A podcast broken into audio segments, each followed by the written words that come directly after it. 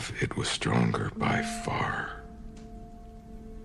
than the love of those who are older than we, of many far wiser than we. And neither the angels in heaven above nor the demons down under the sea can ever dissever my soul from the soul of the beautiful Annabelle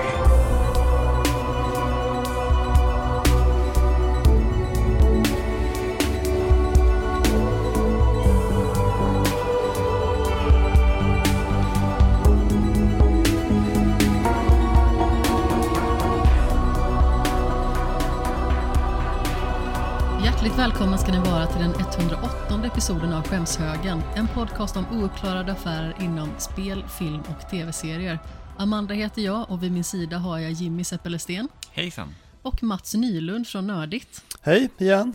Direkt från en podd till en annan för att upprätthålla skräcktraditionen. Ja, det hade varit en bra historia. Tyvärr så blev det ju inställt idag. Vi spelar nog in på fredag istället. Ja, ah, jag förstår. Det hade varit lite roligare, men tyvärr.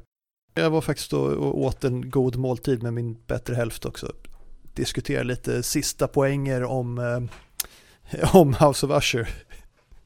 Vi har haft lite vilda diskussioner om det. Det är ju vårt huvudämne för dagen faktiskt. Mm, vi kommer väl till det. Ja, men precis.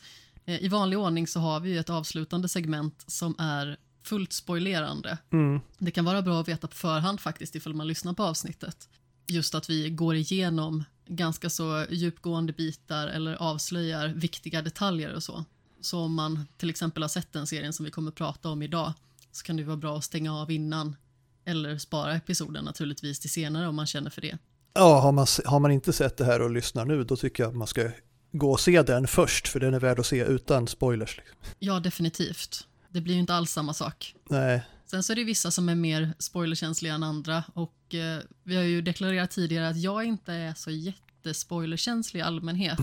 Medan det finns vissa som tycker att det är en spoiler att säga att det kommer hända någonting. finns vissa närvarande som är det, eller?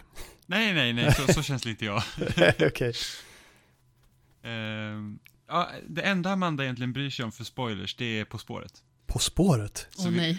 På spåret, ja. Okej. Vi hade en dispyt eh, för typ, ja, två år sedan kan det vara, det var den här Sagan om ringen-serien gick. Eh, och jag var såhär, nej men vi måste Sagan om ringen-serien för att det är så Det himla... var förra året. Var det förra året? Eh, ja, det var förra året. Ja, för det är så himla lätt att få spoil. Alltså, så fort ett avsnitt är klart så kommer ju liksom upp så här på Twitter och Facebook, det är IGN och det är Polygon och alla de bara, de bara, den här personen, tada, liksom. Ja, i och för Jag sig. bara, Annars måste- var det mest, den, det fallet var det mest folk som hatade allt som hade med serier att göra.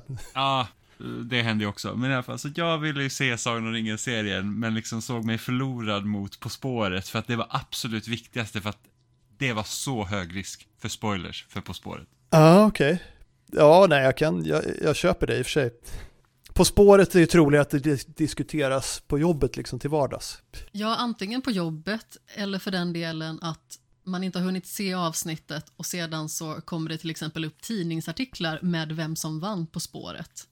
Det är sånt som jag ganska så lätt får upp i mitt flöde, typ Expressen eller Aftonbladet eller GP eller dylikt och det kan ju vara ganska så frustrerande om man inte vill veta vem som har vunnit just på grund av att det är en tävling och det är hela poängen. Ja, Medan om jag får en liten detalj avslöjad från en serie så berör inte det mig lika mycket som om jag får veta liksom Sluta skratta åt mig. jag, jag gillar också att här bara lite detalj från serien, eller den som har vunnit På spåret, medan man liksom kan få ett helt slut spoilat för sig också i en serie.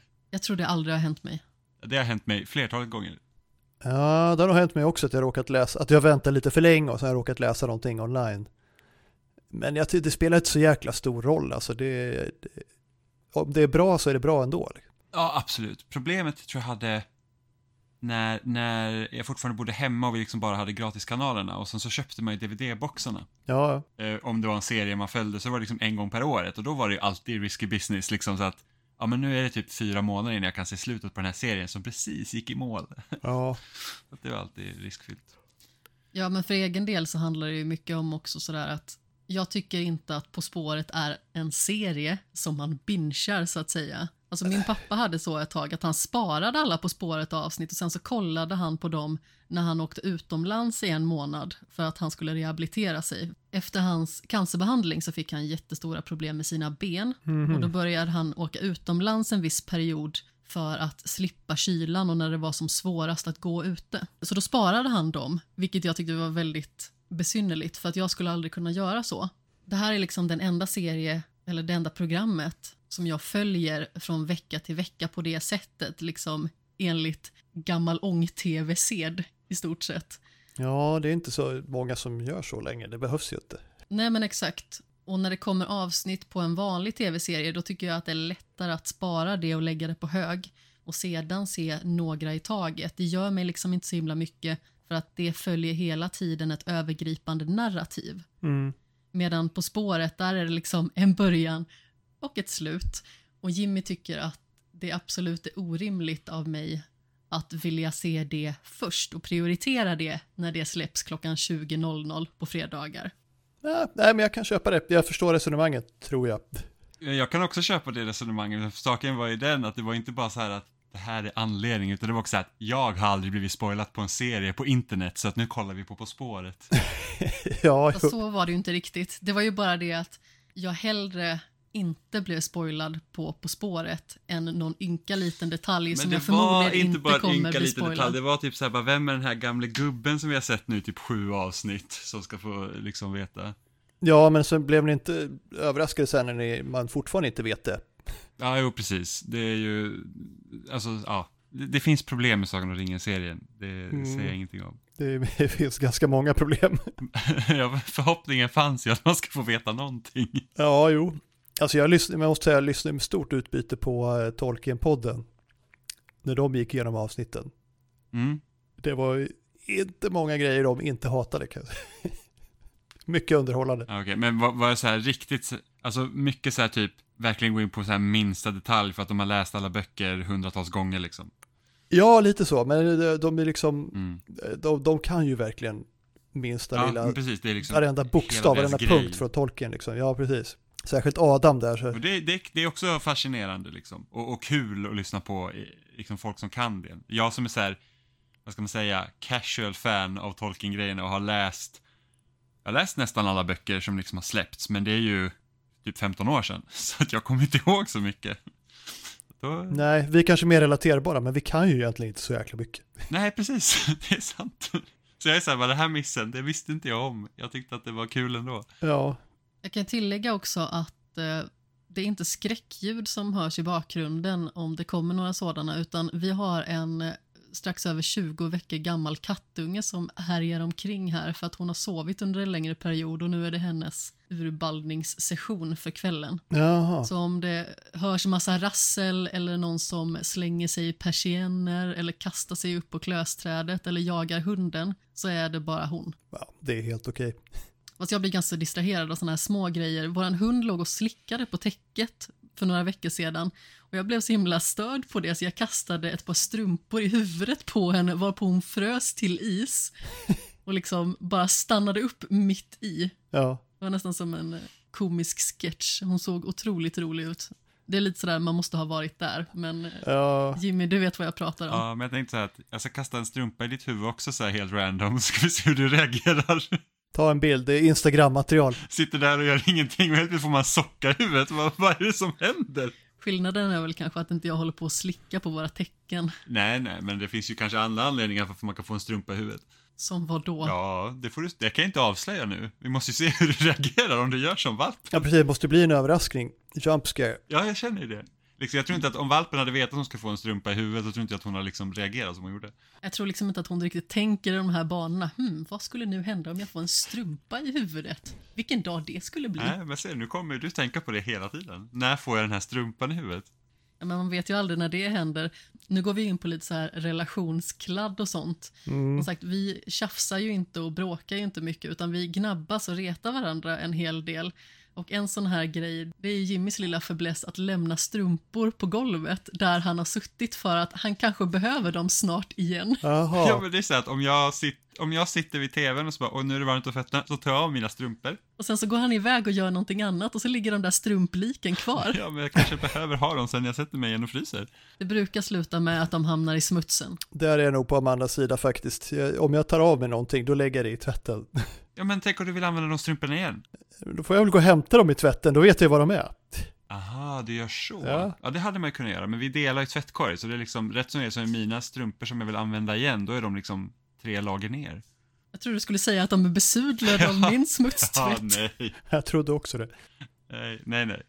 Jaha, okej. Nej, men så använder inte jag riktigt vår tvättkorg. Ja, ja det, det är ju lite detalj, sånt kan man ju leva med. Ja, ja, men definitivt. Som sagt, det är ju någonting som man liksom bara retar varandra. Ja. Jim har ju grejer som han retar mig för också. Så att det är ju eh, inga konstigheter egentligen. Alla relationer har ju sådana saker Ja, som man liksom eh, kastar i ansiktet på varandra när man får bästa möjlighet egentligen.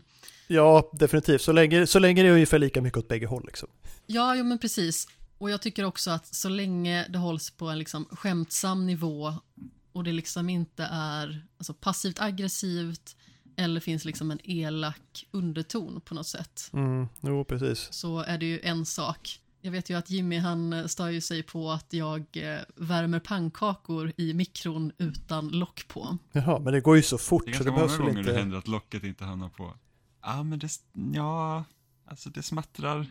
Och så blir det smutsigt. Och så får jag Jaha, diska. okej, Vad med tänker- pannkakorna smattrar. Ja, men det kom, alltså det kommer ju kondens av dem också.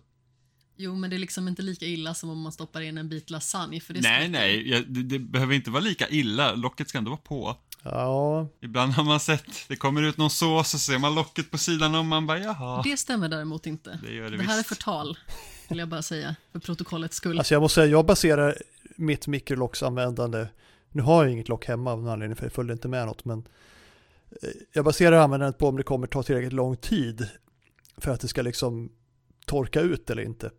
Ja, jag tänker så. Jag ja. baserar det på hur gojsigt det är. Men det finns ju mikrolock att köpa på ICA, Mats. Skaffa ett. Ja, jag vet, jag ska skaffa ett kanske. Jag använder, jag använder inte mikron så mycket, det är liksom, det är bara på jobbet. Jag gillar att du promptar för att Mats ska, köpa, Mats ska köpa ett lock. Du hade ju stortrivits i det hushållet hör jag. Det här stämmer ju Lockfritt. inte. Jag tycker att vi ska gå vidare för det här innan vi börjar kasta allt för mycket kottar på varandra.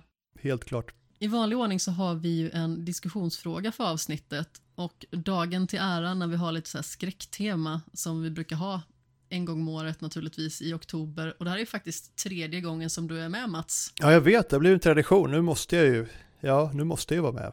Ja men precis, hur ska vi klara oss utan dig? Det går ju inte. Nej, Kan du inte nästa år, ja då blir det inget. nej precis. det måste ju gå för till någonting. Det gick ju i år. Ja, men precis. Frågan är hur som haver, vad är det läskigaste du varit med om i verkligheten? Ja, du ställer den till mig alltså. Det gör jag till att börja med, sen så kommer Jimmy få den. Vi går i den ordningen. Eh, jag tror att det är när jag jobbade och eh, det var, eh, vad ska man säga, terrordådet typ, när en snubbe körde en lastbil nerför en gågata här i Stockholm. Och jag jobbade den dagen och jag utrymde T-centralen och sen, eh, det var helt surrealistiskt att göra det. Bara fösa ut alla mitt i rusningstid och sen gick jag genom stationen helt ensam. Klockan fem på eftermiddagen när normalt är liksom 5000 pers där så var bara jag på hela stationen. Det var nog bland det kusligaste och skummaste jag varit med om i hela mitt liv. Jag kan ju tänka mig att den liksom absurda tystnaden bidrog en hel del. Ja, det är normalt inte tyst i Stockholms tunnelbana klockan fem.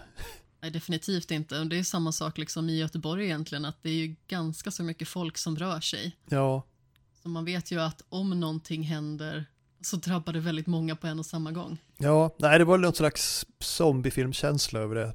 Det kan jag verkligen tänka mig. Men gick det bra för alla liksom i eh, närheten av dig? Ja, det gjorde det. Det var ju, jag, jag var ju liksom aldrig inblandad i det, de kladdiga bitarna så att säga, men, men det var ju helt overklig dag. Jag fattar knappt vad som hände. Ja, nej, det var så jäkla skumt. Jag hade ju precis gått förbi det, typ tio minuter innan. Ja, Eh, för jag ska åka hem, liksom. Så jag hade, och jag hade varit på, jag hade varit på webbhallen tror jag.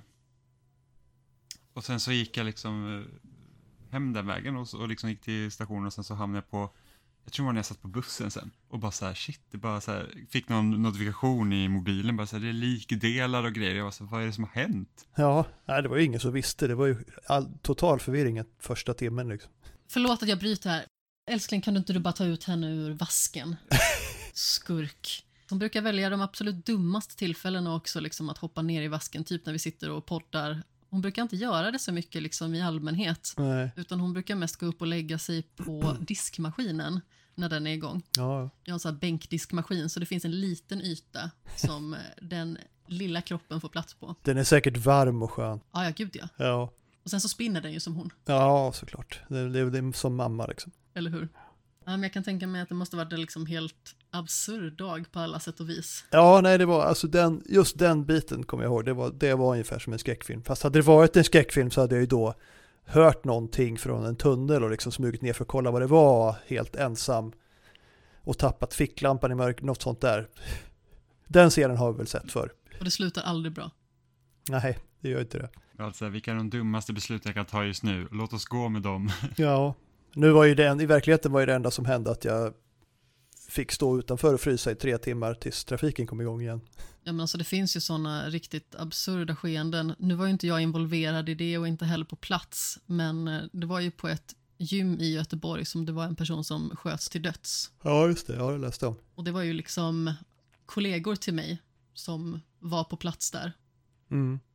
Och det kan jag verkligen tänka mig också måste ha känts helt surrealistiskt att stå där liksom på en brottsplats. Ja, jag tror det, det bidrar ju att man har sett så mycket filmer och tv-serier där sådana där grejer händer. Att man tänker liksom... Det, det, det gör något det känns mer overkligt än om man inte hade någon kontext alls. Ja, men precis. Vad är det läskigaste som har hänt dig, Jimmy? Oj, ja, svår fråga. Eh, jag har nog inte någon så här riktigt, riktigt allvarlig eh, berättelse så, utan det är väl mest typ när man var liten. Och liksom när man var så här, ja jag tror på spöken och liksom allt är läskigt. Men vi hade en period där vi körde väldigt mycket så här anden i glaset. Och vilket var så här sjukt läskigt när man var liten. Ja. Eh, alltså när man har så här typ, ja vi var väl typ fyra, fem kompisar liksom och satt typ på ovanvåningen hemma. Liksom. Och, så, och så rör sig det här glaset över. Och, och, och alla hävdar att de inte, ingen drar någonstans, allt sköter sig själv. Eh, men då kom jag, det, det var obehagligt. Eh, just för att liksom så här att, ja men lite så här, de orden som kommer upp och, och, och liksom hur det anknyter till det som hände just då liksom i, i, våra liv och sånt, så var det liksom, det, det var rätt så obehagligt. Och, och, och speciellt när man är liksom liten och mer påverkningsbar då, så att man liksom tror ju på det mer eller mindre. Det spelar ju ingen roll egentligen, tycker jag personligen, hur lite man tror på gastar och monster och liknande. För på något sätt så finns det liksom en liten mikroskopisk irrationell ådra inom en Ja, som går igång på det här. ja men det är klart, även om, alltså, om man, man är själv, man går upp och går på muggen mitt i natten och det är mörkt. Man måste ändå se sig om så det inte är någon bakom en liksom på vägen tillbaka. Även om man vet att det inte kan vara det, liksom. det, det, det är inte logiskt. Nej men exakt, alltså jag eh, gillar ju inte till exempel att eh, ha det släckt på vissa ställen när jag ska gå och lägga mig, om jag är den personen som lägger mig sist. Ja, Att jag vill liksom kunna se att det sitter ingen i soffan, det står ingen bakom dörren i hallen och så vidare. Och det är ju jätteirrationellt för att vem skulle ta sig in förbi de här två låsen som vi har? ja. Nej, det, det, det finns ingen logik. Det finns ju en liten del av en som känner att det kan hända på Ja. något sätt. Vi har sett skräckfilmer. Ja, det var ju som när du berättade att du alltid tände lampan när du går in på toaletten. Ja, men precis. För att jag är rädd att om jag tittar i spegeln ska det stå någon bakom mig. Och eh, det är ju lika läskigt om eh, lampan är eh, tänd och om den är släckt. Ja, Ja. Men på något sätt känns det som att det kommer inte vara någon där om det är tänt. ja okej. Nej, men ljuset driver bort det onda, det är väl så. Ja, exakt. Men ändå så här, jag kommer ihåg när du berättade det och jag har liksom inte tänkt på spegeln på det sättet. Sen hade jag också skitsvårt att gå in på toa utan att tända lampan först. Så. Nu har inte jag tänkt på det, nu kanske jag kommer göra det, fast jag tänder i sig alltid lyset innan jag går in på toa ändå, därför att det kommer ju väldigt mycket spindlar på min toa Åh fy. och jag vill inte kliva på dem. Ja, det är väl skräckenjagande om något. Nej, det stör mig inte så mycket, men jag vill inte trampa på dem. Ja. Jag är livrädd för spindlar. Så. Ja, jag vet att någon gång så har det stått en eh, nästan två meter lång man med skakande knäskålar och pekat upp i taket på en spindel som han ville att jag skulle ta ner. Ja, det var så sjukt äckligt en gång när vi hade den där spindeln som firade ner sig från taket också i super slow motion. Ja, men precis. Ja, den gick ju inte att undvika att ta bort. Nej, obehagligt. Ja. Spindlar är, våra, spindlar är våra vänner, de äter upp äckliga insekter. Nu har ju inte vi haft några problem med spindlar under den här tidiga hösten som var så himla fin och varm just på grund av att vi har inte kunnat ha balkongdörren öppen alls för att vår kattunge har varit så liten och vi har varit rädda att hon liksom skulle typ klämma sig ut förbi vårt nät som vi har på balkongen och sådär. Och vi bor liksom ändå på tredje våningen så skulle hon trilla ner så blir det ju pannkaka av alltihop. Och det känns ju inte jättebra. Nej. Hon är inte tillräckligt pålitlig för att man ska vara okej okay med att hon är där ute och känna att ja, hon klarar sig, hon kommer inte göra något knasigt för att hon kommer garanterat att göra någonting knasigt om hon kan. Ja. Tidigare så hade vi ju jättemycket öppet, Ja. alltså nästan dygnet runt, förutom när vi liksom inte själva var hemma på grund av att det blir så himla varmt på sommarmånaderna i den här lägenheten, för det är ett ganska gammalt hus. Ja, det, det är för, för och nackdelen med att bo, eh, jag bor ju rent tekniskt tror jag på källarplanet, fast det är någon slags lutande plan så att jag bor på nedre botten. Och det, det är så alltid skönt på sommaren, men det, alla djur utanför kommer ju in genom ventilationen liksom. Ja, ja, men precis. Och vi har ju haft jättemycket insekter som har spatserat in i lägenheten. Helt plötsligt så ser man ju en och annan mal eller någon långbent spindel som traskar in från balkongen och det är inte jättetrevligt. Det är ju bara att fösa bort dem eller fånga dem eller vad man nu gör. Ja, Men en av de äckligaste grejerna jag har varit med om, det var när eh, jag kom ut från badrummet och så såg jag att det låg någonting precis mellan hallen och vardagsrummet, för det är liksom ett valv in. ja, Och jag tänkte att ah, ja, men det är bara katterna som har tagit en löv och lekt med. Sen så kom jag närmare och jag såg att det där är inget löv. Och jag var så nära på att ta tag i det. Det var en liten kropp till ett djur. Och det var en liten fladdermus som saknade huvud. jaha. Ha. Så vi vet liksom inte om det har varit kanske någon rovfågel eller något som har flugit förbi och tagit den och sen så har den liksom råkat åka in på balkongen eller om det är så att våran stora katt faktiskt har lyckats fånga en fladdermus på eget bevåg. Ja, de kryper ju in i små vrår och sover på dagen så det kan de ha gjort. Ja, det är mycket möjligt, men vi har liksom nät kring balkongen så att det var ju liksom en eloge till att det ens lyckades typ. Ja, Grattis fladdermus! den valde de bara fel ställe att sova på tror jag. Ja, men säkerligen. Men det var lite äckligt faktiskt. Ja. Men just det här vi pratade om tidigare med hur man agerar innan man ska sova och liksom hur man hanterar ljus och mörker och sådär. Eh, Det blir extra påtagligt för mig. Jag tror att det var tidigt i våras när det fortfarande var ganska så mörkt ute Mm. och jag skulle ta min eftermiddagslur. Och då hade jag liksom ett sånt här läge när jag var osäker på om jag sov och var liksom i det här läget där man liksom tycker att drömmarna känns så otroligt äkta. Eller om det faktiskt var någon som ryckte i dörren. Ja, Det var riktigt vidrigt. För jag vaknade liksom med sånt adrenalinpåslag för att det kändes verkligen som att någon hade stått och dragit i dörren och ville komma in i lägenheten. Det kändes lite vidrigt. Och jag vet fortfarande liksom inte vad som är sant. Jag antar ju att det är liksom att jag har svävat någonstans mellan sömn och vakenhet och att det är någonting som min hjärna har kokat ihop själv. Men i och med att det liksom var så verklighetsbaserat och liksom inte inkluderade några övernaturliga element så kändes det verkligen riktigt obehagligt att gå upp och gå runt i lägenheten sedan. Ja, man kan ju tänka sig att någon tog fel lägenhet och försökte komma in. Det har ju hänt. Ja, fast det här var verkligen rycka många gånger. Jaha. Det var Ja, liksom inte bara att ta tag i dörren utan rycka och dra.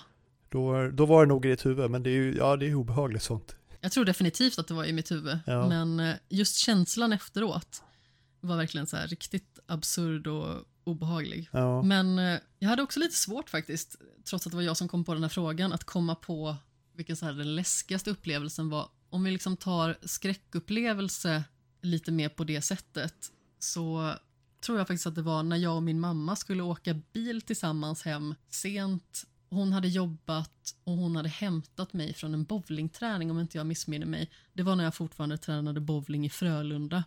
Så att när hon slutade så tog det liksom sin lilla stund att åka då från Kållered till Frölunda, hämta mig och sen fara hemåt. Och då körde vi om en bil som blev förbannad på oss för att vi körde om. Ja. Och den bilen förföljde oss hela vägen hem till vår parkering. Och sen så körde den fram och tillbaka framför vår port. Och eh, när den liksom backade bak tillräckligt långt, då tog jag och mamma varsitt jättesprång ur bilen och kutade in och låste dörren. Vad sjukt. Det var riktigt obehagligt. Ja. För då kändes det liksom så här, vad är det för dåre som förföljer oss hela vägen hem? Ja, det är ju helt galen jävla människa då, men Ja, ja men precis. Och liksom att bli upprörd över att den blir omkörd. ja. Men folk kan bli så himla orimligt upprörda över saker i trafiken. Jag vet att Jimmy är jättesugen på att påtala att jag tutar väldigt mycket i trafiken när jag tycker att folk gör fel. Men det var en gång när jag skulle in i en rondell och det var en bil som bara kastade sig ut framför mig och jag la mig på tutan för att hade inte jag tvärnitat så hade jag liksom kraschat in i den bilen. Mm. Och då är det liksom en väg med två filer och den bilen körde in bredvid mig och försökte meja mig av vägen.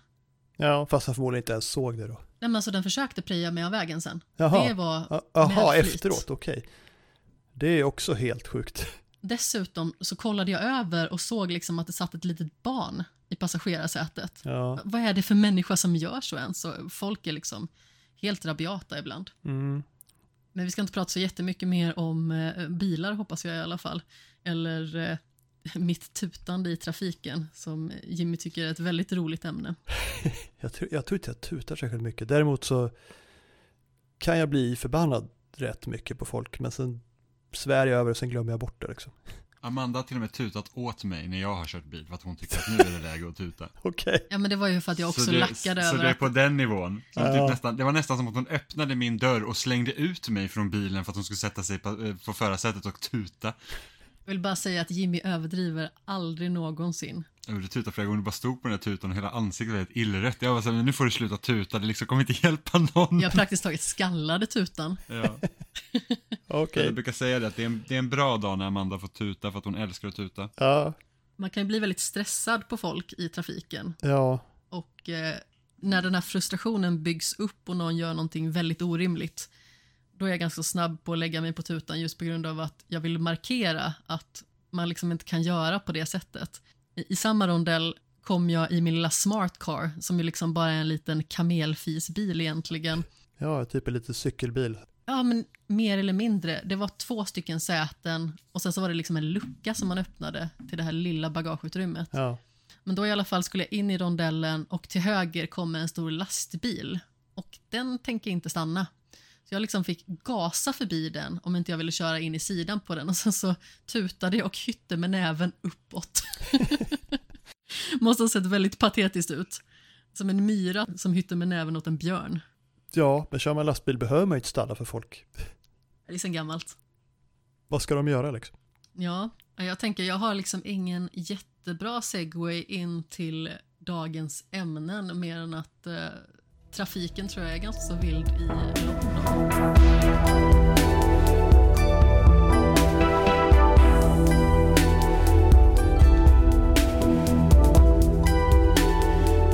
Vi har ju sett en film, ja du och jag Jimmy i alla fall, som heter Last Night in Soho.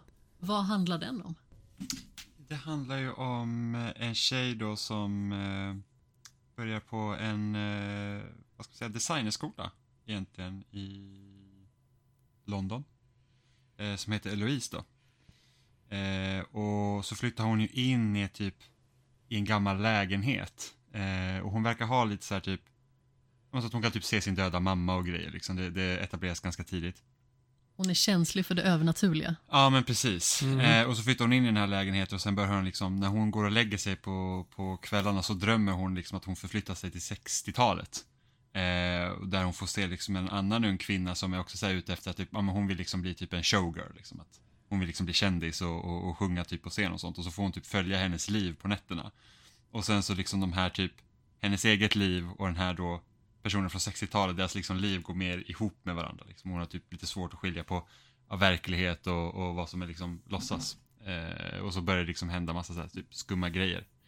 Eh, även då i nutid. Då, kan man Ja säga. men precis, för det är ju så att det här lilla rummet som hon hyr, det besitter ju liksom en ganska så mörk historia som hon liksom då känner av, vilket då förföljer henne i hennes drömmar och sedan blir de liksom mer påtagliga på dagen också. Och anledningen till att hon flyttade dit från första början, det var ju att hon flyttade in på ett studentboende, men sen så visade det sig liksom att ungdomar är otrevliga och orimliga Ja, ingen hemlighet där. och hon är lite annorlunda. Vilket då gjorde liksom att hon flyttade in hos den här gamla damen och blev hyresgäst istället. Och den här unga flickan spelas ju av eh, Thomasin McKenzie som jag tycker liksom gör ett väldigt bra jobb med att bli den här neurotiska konstnären på något sätt som får ta del av Anya Taylor-Joys karaktär då som heter Sandy och de händelser som drabbar henne då under 60-talet. Och det är ju nämligen så att för att få de här framgångarna som hon vill så måste hon ju liksom börja någonstans och hon försöker liksom få tag på en manager för att hon ska liksom kunna få stå på scen. Och då träffar hon Matt Smith Aha, som spelar en karaktär som heter Jack som är en riktigt tjusig snubbe som eh, dels blir hennes manager men som hon också inleder en relation med. Och sen så visar det sig att han utnyttjar henne för att liksom kunna få ut så mycket av henne som möjligt. Han blir aggressiv, han blir otrevlig och han blir våldsam. Vilket då liksom genererar att ju mer Eloise bevittnar av det här, desto mer uppjagad blir hon också.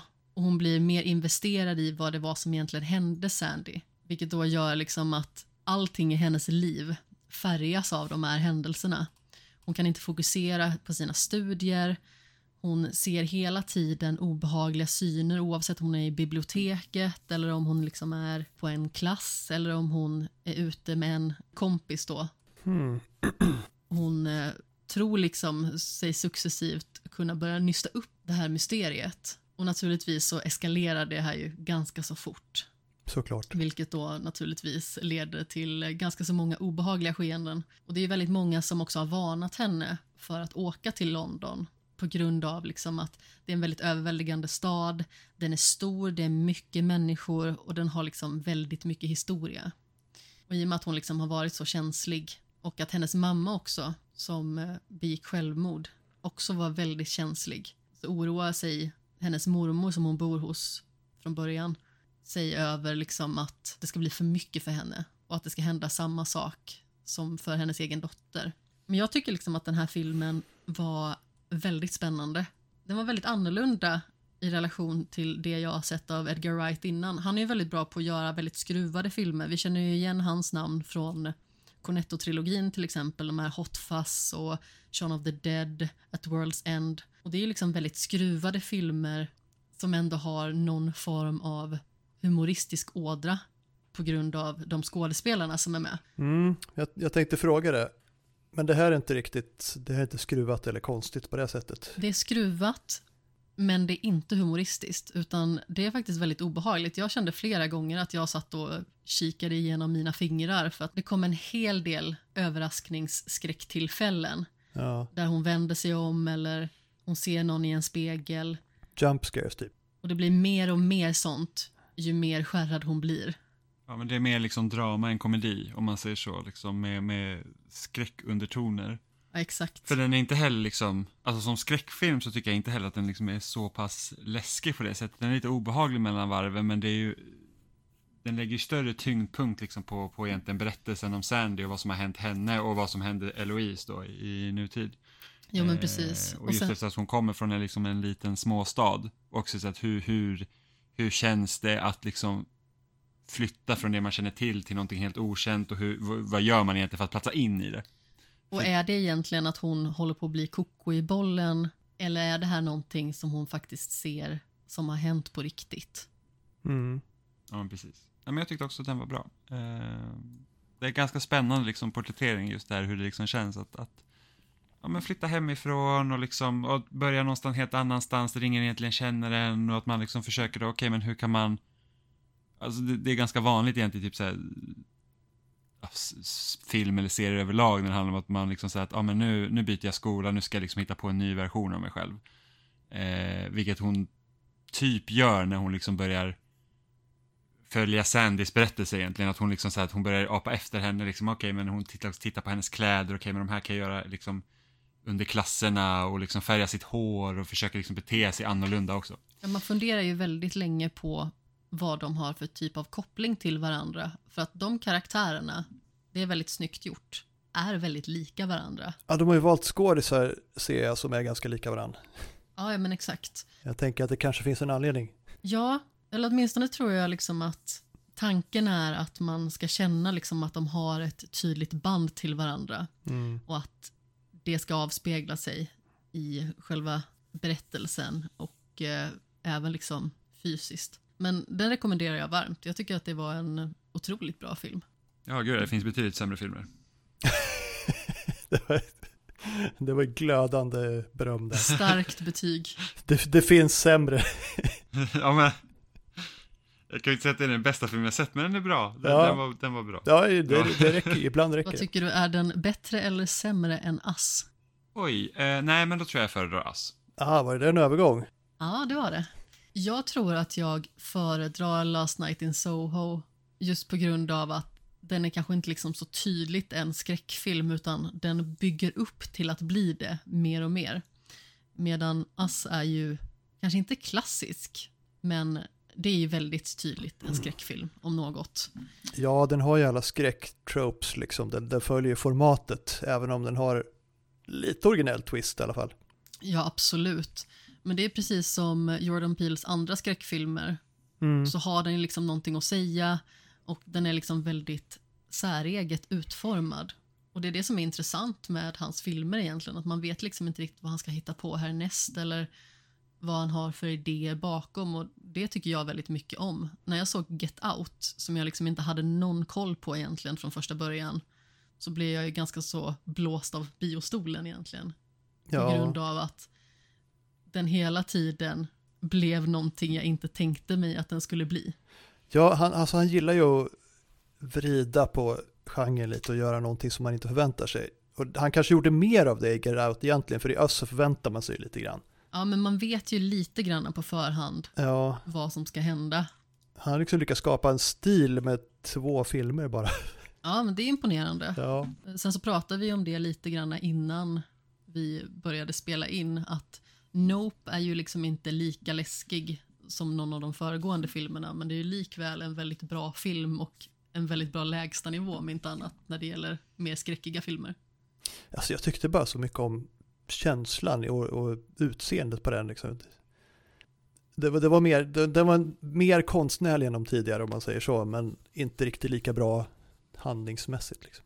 Det var ju inte lika spännande på det sättet, utan Nej. det var mer miljöerna. Ja, ja det är en skitsnygg film. Det, är ju inte lika vacker så, men, det, men den är ju... När man ser den första gången, då är den ju mycket bättre, för då, då har man ju ingen aning, eller ja, det, om man inte har blivit spoilad förstås, men, men om man inte vet någonting om twisten så är det ju mycket bättre än om man har blivit spoilad. Ja, ja men precis, så är det ju. Men jag ska inte hålla en jättelång monolog om Ass egentligen, utan jag ska bara dra en liten kort notis om att jag faktiskt har sett den. Och vi har ju pratat om den i podden flera gånger tidigare. Jimmy vet jag pratade om den i Shame of the Year det året som den hade släppts. Och du Mats pratade om den för två år sedan när du hade sett den. Ja, det gjorde jag nog. Då hade jag precis eh, sett båda de filmerna inför, eh, inför att Nope skulle komma på bio tror jag. Ja, men precis. Eh, och Ass handlar ju egentligen om en familj på fyra som far till sitt sommarhus. Och eh, modern i den här familjen, spelad av Lupita Nyong'o, har ett eh, ganska så markant barndomstrauma som hon konstant bär med sig innebärandes att hon alltid känner sig förföljd eller jagad av något eller någon som eh, liksom har präglat egentligen hela hennes liv från att hon var en liten flicka. Och på kvällen efter de har liksom umgåtts med vänner och kommit tillbaka till det här sommarhuset så står det fyra identiska kopior av dem på uppfarten. Och sedan så börjar ju liksom den här skräcken. Det vill säga liksom att de blir förföljda av de här kopiorna som i mångt och mycket försöker ta över deras liv egentligen. Och det visar ju sig att kopior till alla människor har börjat ta sig upp ur eh, ett underjordiskt system där de har hållits under väldigt lång tid och börjar i stort sett bryta sig fria från det livet. Och eh, sedan så får man liksom följa hur det kommer sig och vad Adelaide, som huvudpersonen heter, och eh, hennes kopia då har för eh, band till varandra och sådär. Och den är faktiskt väldigt spännande och jag tyckte ändå inte att den var så jätteläskig. Den är mer obehaglig just på grund av att hur skulle man själv reagera om man ser en exakt kopia av sig själv? Man skulle bli knäpp i huvudet. Ja, men det är ju liksom, hela filmen igenom är det ju liksom bara en så här krypande obehaglig känsla. Det är inte liksom, det är liksom inte så mycket jumpscares och sånt, utan det är mer väldigt obehaglig stämning hela tiden. Ja, typ idén med att ha de här kopiorna är typ, känns läskigare än liksom sen vad filmen faktiskt är. Ja, i och för sig, ju mer man ser av dem, desto mindre läskigt blir det ju. Mm. Men så är det ju nästan alltid med skräckfilmer. Men jag gillar ändå det här, just att man tar en klassisk skräckgrej och så förklarar man den. På, I det här fallet med kloner liksom. Men det är, jag, jag gillar det, när de liksom vänder lite på förväntningarna. För man väntar sig att det ska vara något övernaturligt och så är det inte det. Nej men precis, utan den handlar ju mer eller mindre om någon form av främlingsfientlighet. Alltså rädslan för, så att säga, inom citationstecken, de andra. Ja, Som egentligen liksom bara är människor, precis som de själva, men som på ett eller annat vis har hamnat utanför samhället. ja precis. Det finns ju väldigt gans- ganska tydliga paralleller där. Ja, men precis. Och det är ju det som Jordan Peele tycker jag gör så himla snyggt, att han väger liksom in samhälleliga problem och tankar och sätter liksom en ny spin på det. Och jag tycker liksom hela den biten är väldigt snygg. Och jag är glad liksom att jag äntligen har sett den här filmen. Den har ju liksom legat i min tittlista ganska så länge. Men tanken på att se den själv har ju varit lite skräckinjagande. Så Jimmy retade mig när jag såg den för att jag satt och kollade på min mobilskärm. Ja, Bara för att det skulle bli mindre läskigt. men hade du, visste du innan vad som skulle hända eller hade du lyckats undvika spoilers? Jag visste ju att det skulle komma identiska kopior. Ja. Men jag hade liksom inte koll på någonting annat egentligen. Nej. Jag visste liksom inte om den skulle utspela sig i nutid eller dåtid och man får ju lite av varje egentligen för man får ju se när Adelaide är liten och är på det här nöjesfältet i Santa Cruz och kommer på villovägar och då stöter på sin kopia som barn. Ja, det är i och för sig lite coolt, eh, det där nöjesfältet. För det är ju ett riktigt nöjesfält som jag faktiskt har varit på en massa gånger. Oj, det är ju lite spännande. Så det är ju, de har ju förankrat i verkligheten. Det är egentligen sådana grejer som jag tycker är som bäst när man liksom känner att det här hade kunnat vara på riktigt just på grund av att det är så starkt knutet till verkligheten. Ja, Även att det liksom är bisarrt. Det är lite så jag känner med The Last of Us till exempel, att det här är USA, men det är liksom ett raserat USA. ja, men det känns som en ganska, vad ska man säga, realistisk dystopi på något sätt. Det, liksom, det skulle nog se ut ungefär sådär. Ja, men exakt. Och det är ju det som gör det så läskigt också. För jag Ja. tycker ju att The Last of Us är ett ganska så läskigt spel på många sätt. Och det är ju liksom inte läskigt på det sättet att man sitter och skriker rakt ut. Men samtidigt så känns det på något sätt som att det är så pass verklighetsförankrat så att det kunde varit jag. Ja, men de har ju, de har förankrat i, i verkligheten och i vetenskap eh, så pass att det skulle nästan kunna hända liksom. Ja, men precis. Det skulle kräva mycket. Ja, Men det finns ett litet korn av sanning i det, vilket gör det extra obehagligt. ja men liksom det finns ju, det finns ju svampsporer som styr insekter.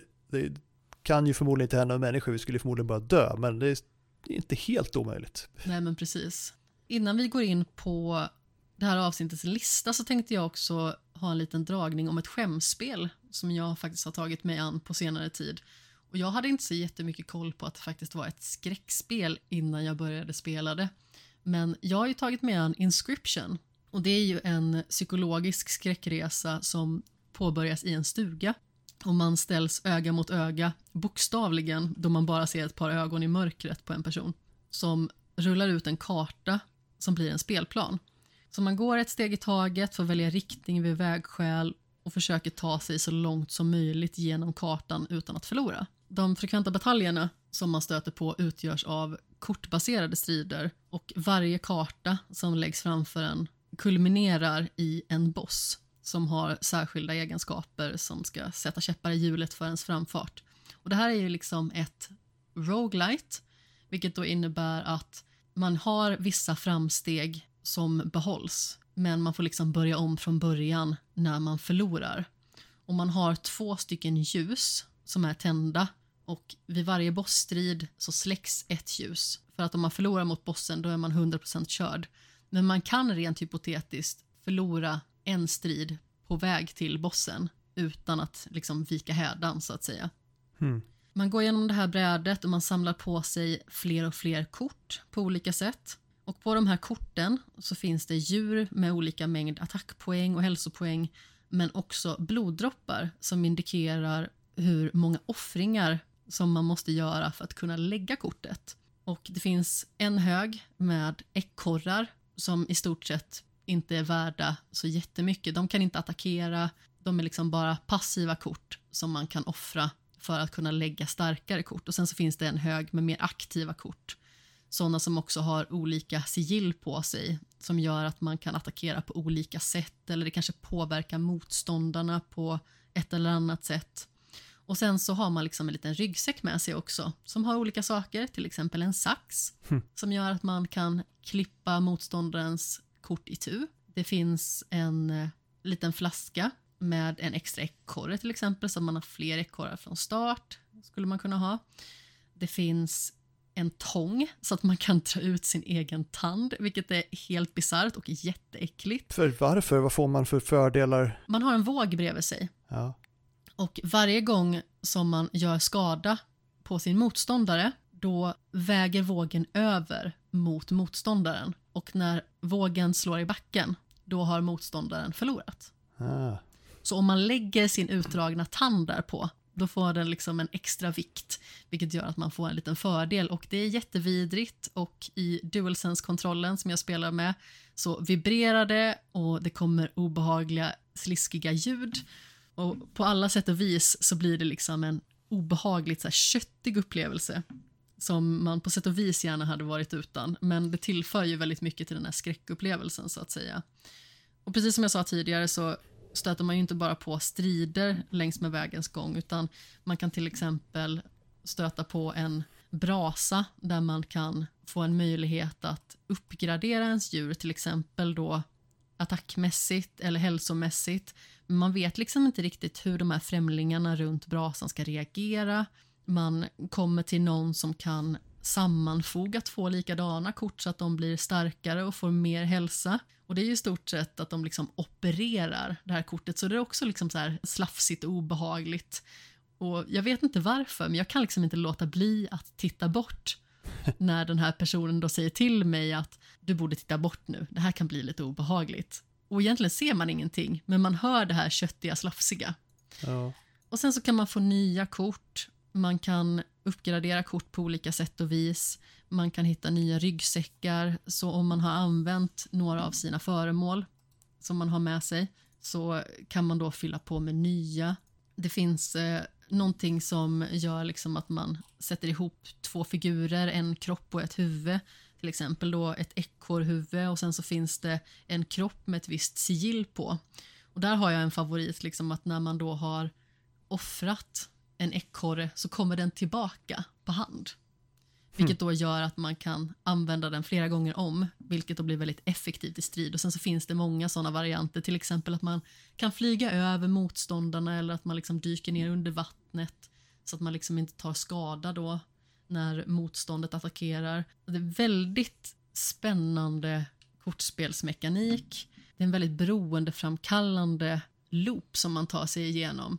Och jag kunde liksom sitta i det här länge och mycket och känna liksom att jag bara ville ha mer och mer och ha svårt att sluta egentligen. Men sen så transformeras spelet också efter ett tag på ett väldigt otippat vis. Och efter det tyckte jag liksom inte att det var lika spännande att spela utan det här första segmentet som jag tyckte absolut mest om. Men att sitta och spela det hemma i egentligen tystnad i resten av lägenheten och den här lilla slingan som man då hör från spelet. Ja, det var faktiskt riktigt obehagligt men samtidigt så var det liksom svårt att släppa taget om spelet. Så om man uppskattar alltså dels roguelites eh, och dels kanske lite mer absurda spel med skruvade idéer. Det låter kanske inte så skruvat på pappret liksom, men när man spelar det så undrar man liksom vad det är man har satt sig framför egentligen. Det ser ju, det ser ju onekligen lite, vad ska jag säga, lite speciellt ut. Det ser väldigt creepy ut, bilderna jag ser. Det ser lite kultistiskt ut. Ja. Kan man ju lugnt säga. Det är utvecklat av eh, Daniel Mullins och finns på alla plattformar. Så om man inte har spelat det och det ligger i ens skämshög så rekommenderar jag varmt att man tar tag i det. För Det är verkligen en av de starkaste spelupplevelser som jag har haft i år. Men det var inte illa. Nej men verkligen. Och då sitter man ändå och spelar Spider-Man 2 just nu och har svårt att slita sig från det också.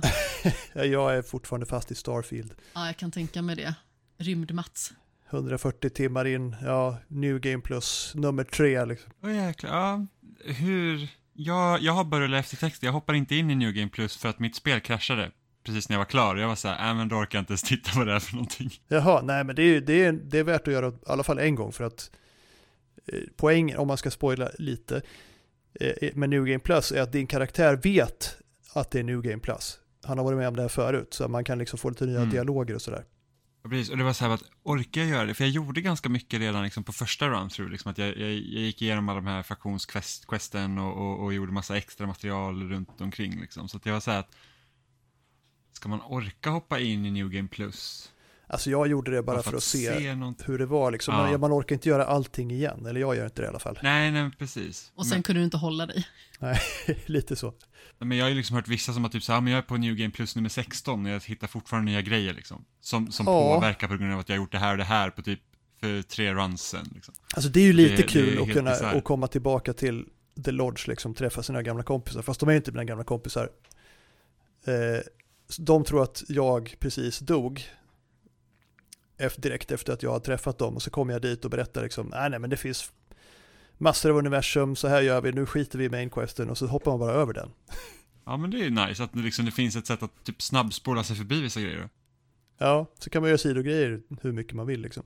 Jag undrar även om det skulle typ funka om man går in i typ faktionsquesten. Jag säger att, men jag har gjort det här förut. Jag vet vad den här grejen som ni letar efter är. Till viss del, jag tror inte liksom du kan bara hoppa över dem, men du kan, du kan påverka dem.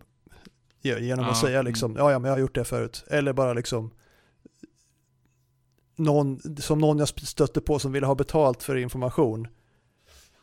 Och jag, eftersom jag hade gjort det förut, kunde bara säga, ja ja men du kommer ändå inte ge mig någon exakt plats, du kan lika gärna berätta liksom.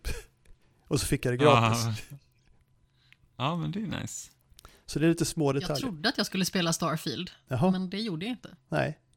Nej men det finns ju tid. Ja, men sen så finns det så himla mycket annat att spela och eh, framförallt så känner jag att det har funnits andra spel som har lockat mer. När Ja. Starfield väl kom så kände jag liksom ingen dragningskraft mot det överhuvudtaget.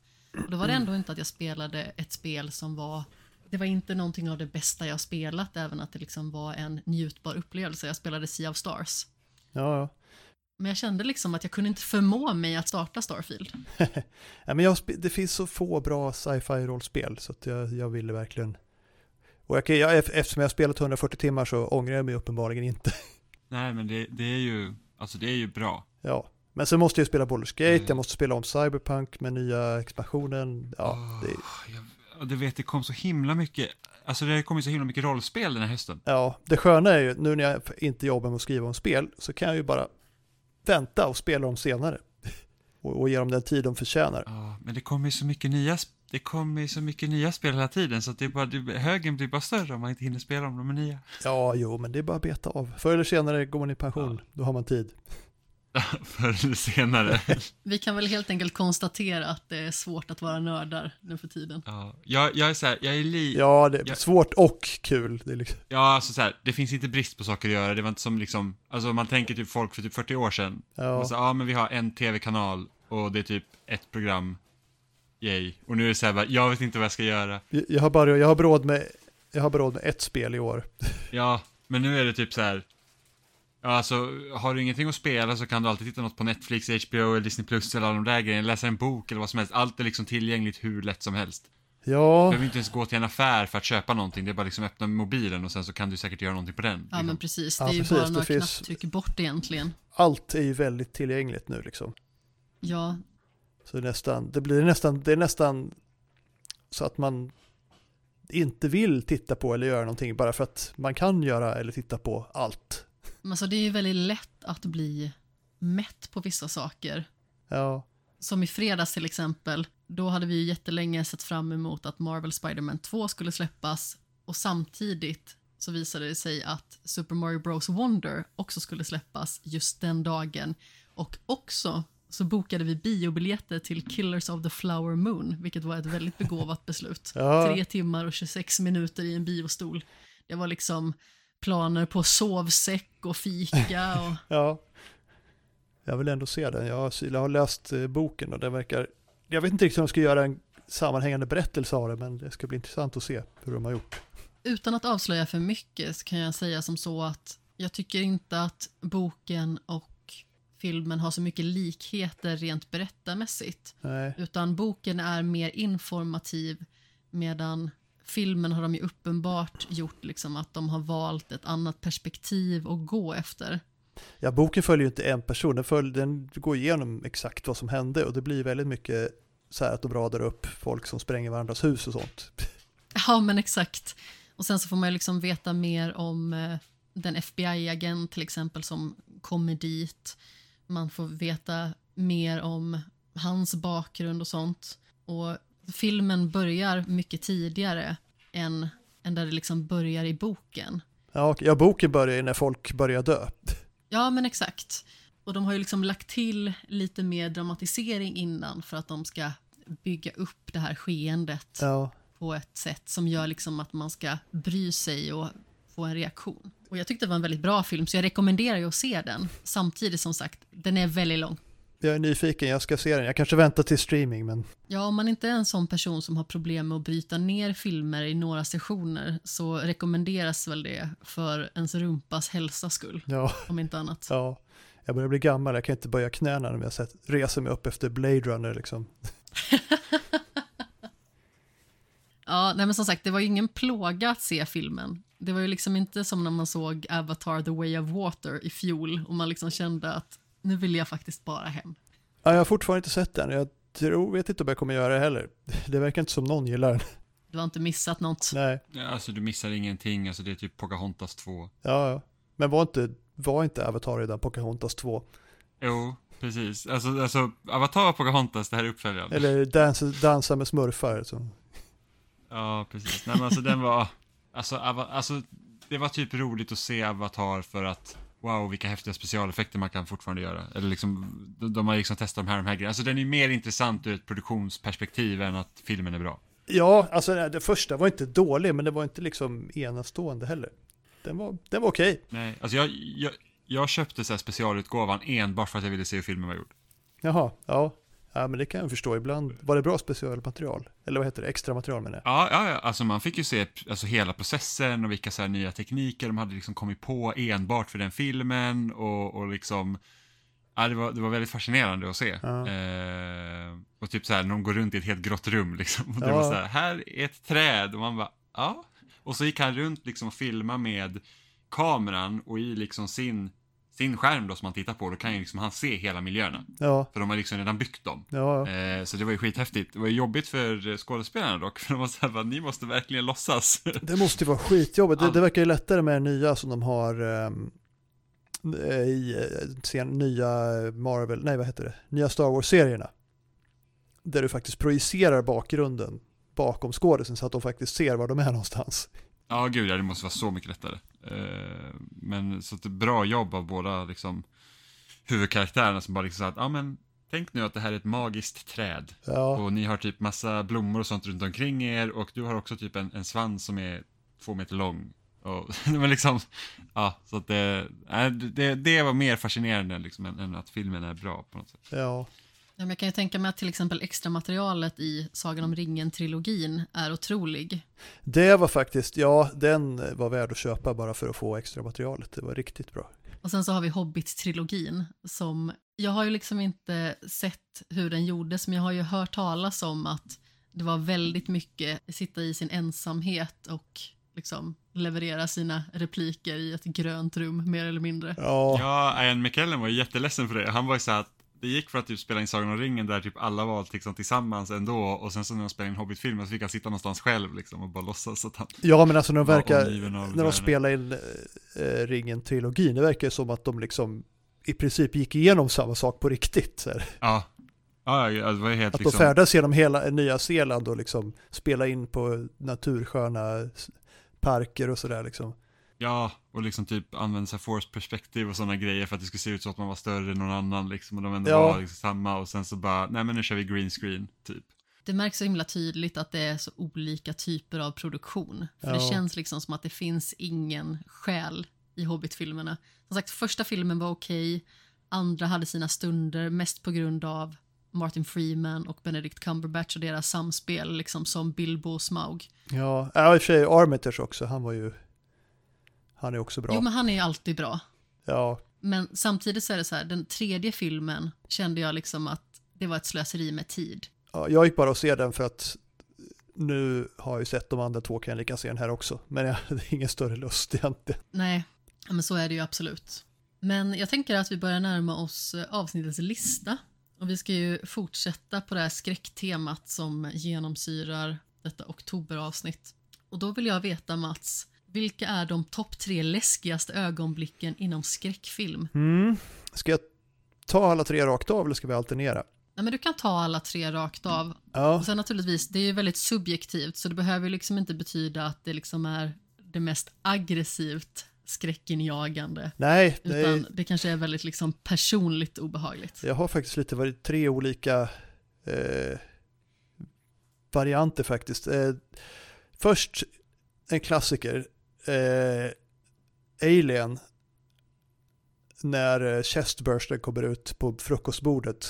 Ja, fy. Det är en sån som är liksom både äcklig och skräckig och jag, när jag såg den första gången så jag, jag tror knappt jag åt på en vecka efter det. Jag såg ju den för första gången i vuxen ålder och eh, den var lika vidrig då. Ja, och det, de hade ju tydligen inte berättat för skådisarna exakt hur det skulle se ut. Så att de blev ju chockade de också. Det blir mycket bättre scen på grund av det tror jag. Eh, nummer två, om man ska, jag har inte rangordnat dem, men en, den andra är eh, Ringu, eller The Ring. När eh, den här demonen kryper ut ur tvn. Fan. Det är, liksom, det, det, är så, det är så snyggt gjort så man, man är inte beredd på att de kommer göra det. Utan det, man tror liksom att det är bara en bild på tv och så kryper den ut ur den och det är så jäkla obehagligt. Ehm, och den scen som har stannat med mig längst, den som faktiskt jag tycker fortfarande är riktigt obehaglig, det är i Pet Cemetery. När hans unge kommer tillbaka och den ligger under en säng eller ett bord eller någonting och skär av hans hälsena med en skalpell. Ja, fy fan. Nej, Jag får ont i Det är så hälsenan av att bara hemskt tänka scen, på det det. känns i hjärtat alltså. Ja. Sen i och för sig har vi en liten honorable mention här, min kära flickvän här nämnde eh, sprutscenen i Så. Som är lite samma, Eh, är det första filmen? ja, det är lite samma känsla. Ja. Eh, det, det, är alltså det, det är ett rum med fullt med så här knarkkanyler på golvet och hon måste gå över dem naken eller om hon bara är barfota, jag kommer inte ihåg. Det är sjukt vidrigt också på exakt samma sätt som Pet Cemetery. Det är ju tyvärr rätt så synd att det är en serie som liksom har blivit väldigt urvattnad. För jag tycker första så är väldigt bra. Jag tror bara jag har sett två eller kanske tre. Hur många har de gjort? Eh, Tian kom ju precis ut. Tio! Ja, Mm. du kanske har hoppat över hajen för länge sedan. Ja, och de har ju, det sjukaste är att de har också, ett- alltså det narrativet de startar med liksom film nummer ett, det hänger ju fortfarande kvar. Ja, ja. Så att det liksom är ju, det är ju ett genomgående tema. Nu har inte jag sett typ en Saw-film sedan femman tror jag. Men jag har inte sett den första filmen heller. Jag har rätt ointresserad sett fragment av flera av filmerna. De är ju äckliga minst sagt. Ja, det är väl det enda de är egentligen. Alltså första filmen, det är ju en riktig nagelbitare. Ja, precis, den första. Men sen, de andra såg jag mer för att se vad de skulle göra med konceptet och de gjorde inte så jäkla mycket nytt. Jag vet inte om det var typ i tvåan eller om det var trean där de liksom typ drar av skalpen på en som sitter fast typ i, Ja. Jag minns sen- inte, men, ja. men det känns liksom som att de, när man gjorde twisten i första, då räckte det på något sätt. Ja. Men det är lite som så paranormal activity-filmerna. Liksom första filmen var så att, ja men, liksom låg budget, de lyckades göra någonting ganska uppseendeväckande liksom med den tekniken de hade tillgänglig. Ja, Och sen så bara, ah men nu, nu, nu gör vi fler filmer och så blir det någon så här jättekonstig mytologi bakom det och så här totalt ointressant. ja. Det är liksom så att jag bryr mig inte om att det finns en sån här gammal sekt som frammanar de här andarna som hemsöker vissa hus. Det var liksom så att det var läskigt. Jag behöver Nej, inte det är lite skitsamma. Det är lite så här som eh, när de skulle förklara hur Hans Solo fick sitt namn. Liksom. Varför ska ni göra det? Ja, Han heter Hans Solo, det räcker. ja, men precis. Och det var så här, "Ah, vi ska förklara allt nu om den här karaktären. Ja, sluta. Det, jag vill ha lite mystik kvar. ja.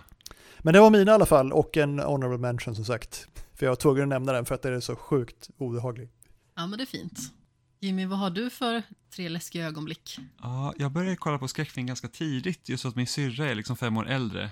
Eh, och vi var ganska tajta när vi var små, liksom, så att jag har ju typ sett skräckfilm kontinuerligt sedan jag var sju.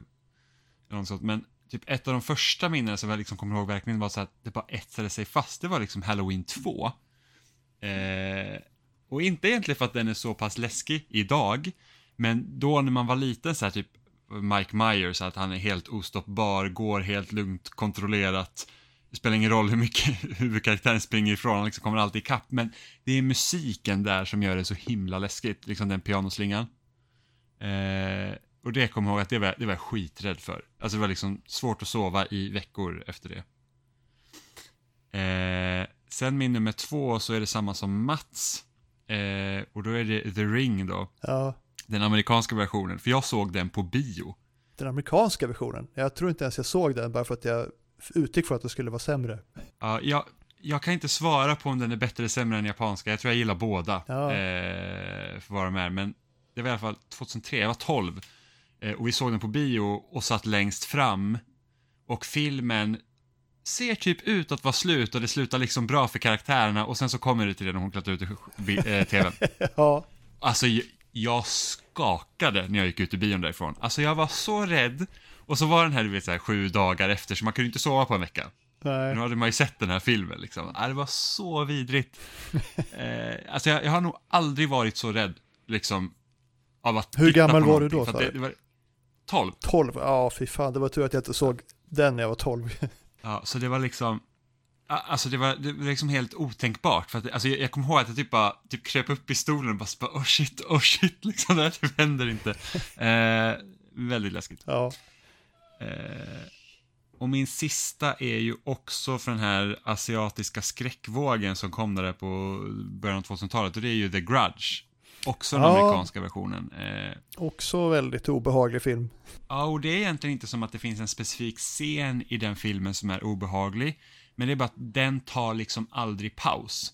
För att allt liksom, man tänker sig att, ja men nu är det så här dagsljus, det är dag, det kommer liksom inte hända någonting läskigt här för att det finns inget som insinuerar på att det ska hända någonting läskigt här och det händer konstant någonting. Alltså man kan liksom aldrig vara, man kan aldrig sitta säkert. Nej, Nej det, det är så små medel också. Det är liksom, jag vet inte, det, är, det är ganska subtil skräck på ett sätt. Ja, men det är ett ansikte här, det är liksom någonting som står i bakgrunden där och sen så, nej, så den är, och, och mycket av det liksom till synes ser ut att hända liksom i, i karaktärens egna liksom huvud. För att det är ingen annan som märker av det förutom den som är påverkad. Nej, Eh, vilket gör det också liksom fruktansvärt läskigt. ja, jag håller Jag, med. jag kan sakna lite den asiatiska skräcktrenden som kom där för att alltså, asiatisk skräck är så himla bra. Ja, det måste finnas massor mer bra, men det tog liksom slut där någonstans. Det kom inte hit. Nej, men precis. Eh, men jag kommer ihåg, det var typ så här. Ja, sen fick ju många remakes också som var sämre. Eh, och nu Ja. nämnde jag ju mina två filmer var ju remakes, men sen när man liksom djupdök med det så att typ The Ring-filmerna, det finns ju hur många som helst egentligen i, eh, i, i, i Japan då, så att och typ så origin stories och sådana grejer också, men som faktiskt är bra. Ja, ja.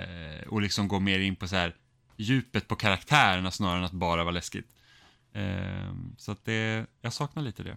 Men det är i alla fall, det var mina tre. Så här, jag kan fortfarande tänka på den här lilla pojken i The Grudge. Så här, typ man, det är mörkt ute och man går själv och man säger bara, åh gud, tänk om något hade bara tittat fram bakom det här trädet eller någonting sånt. Och man säger, åh.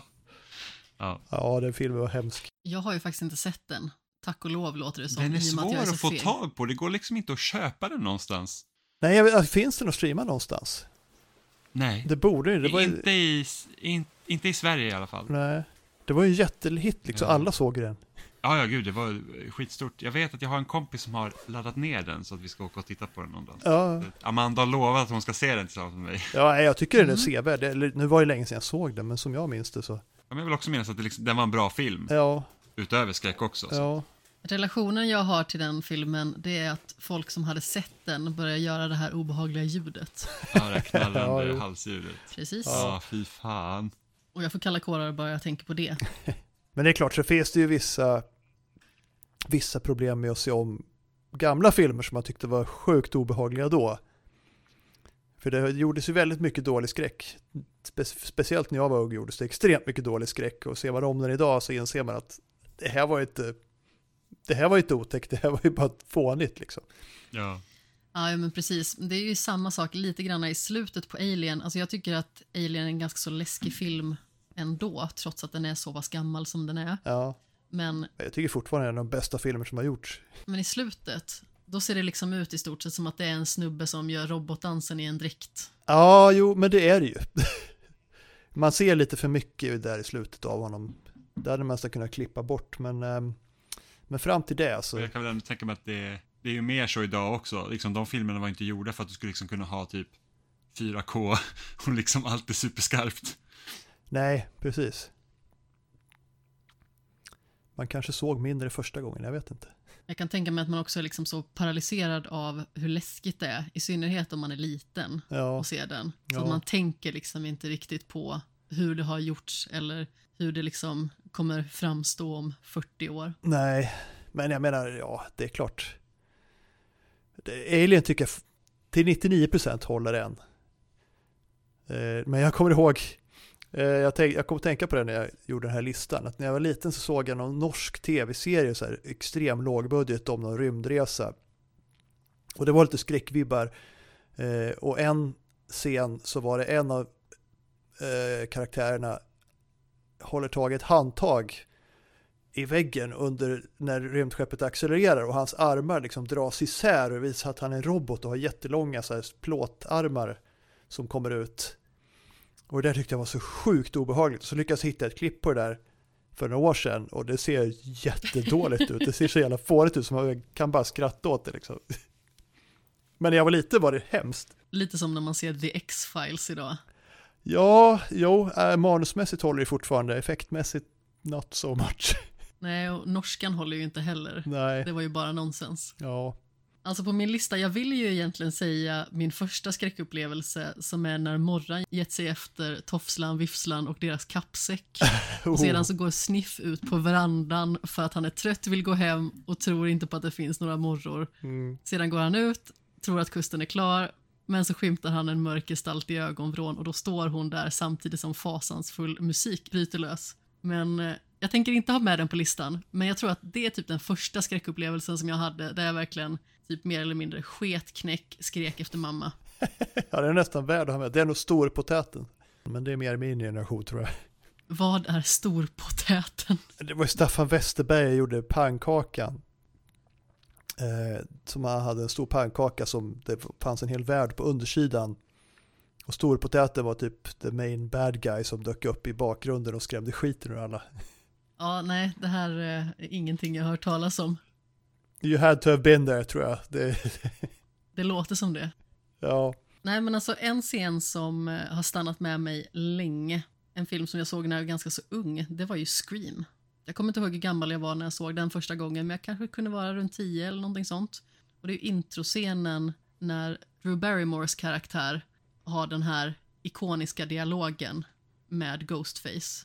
Det vill säga svarar i telefon, what's your favorite scary movie och så vidare. Hon står och poppar popcorn, sen börjar det brinna.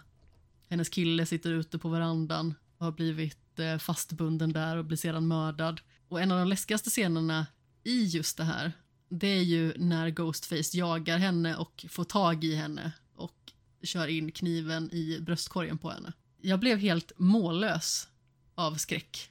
Första Scream är så jäkla rå också. Den är väldigt Alltså, rå. den är mycket blodigare än vad man hade kunnat tänka sig. Andra Scream är också ganska så rå. Alltså framförallt tänker jag ju på typ när Dewey blir upptryckt mot ett fönster och knivhuggen i ryggen. Mm. Hmm. Jag kommer inte ihåg så mycket av den faktiskt, men Just första filmen så finns det ju några sådana riktigt vidriga scener. ja. Till exempel eh, Sydneys bästa kompis som jag för mitt liv inte kan komma ihåg vad hon heter just nu. När hon eh, fastnar i garageporten och eh, Ghostface eh, fortsätter att eh, trycka upp henne så att hon eh, blir fastklämd och dör. Det är riktigt brutalt. Men även liksom slutscenerna är ju, alltså det är ju blod överallt verkligen. Ja, absolut. Alltså det är verk, alltså typ hela det jäkla köket är bara blodsprängt.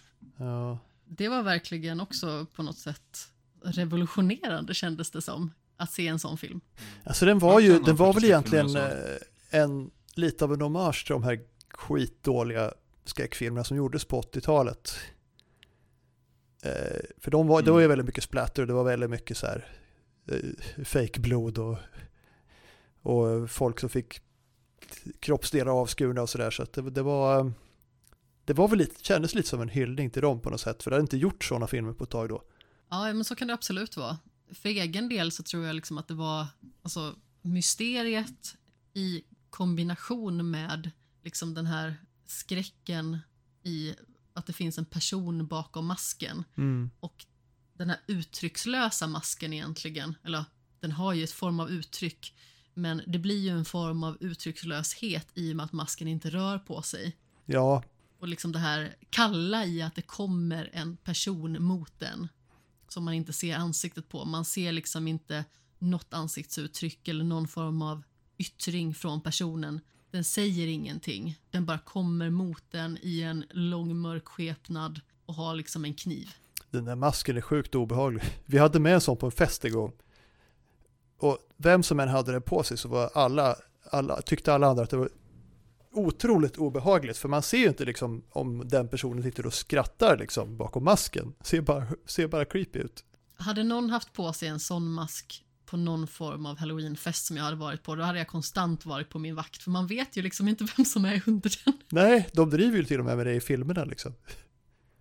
Att det är folk som ska skämta och ha på sig masken och så blir de mördade eller så, eller så är det riktiga mördare bak, ja sådär grejer. Ja, det är väl egentligen introscenen i andra filmen. Ja det är det På va? bio. Ja, Och ska ja. se Stab.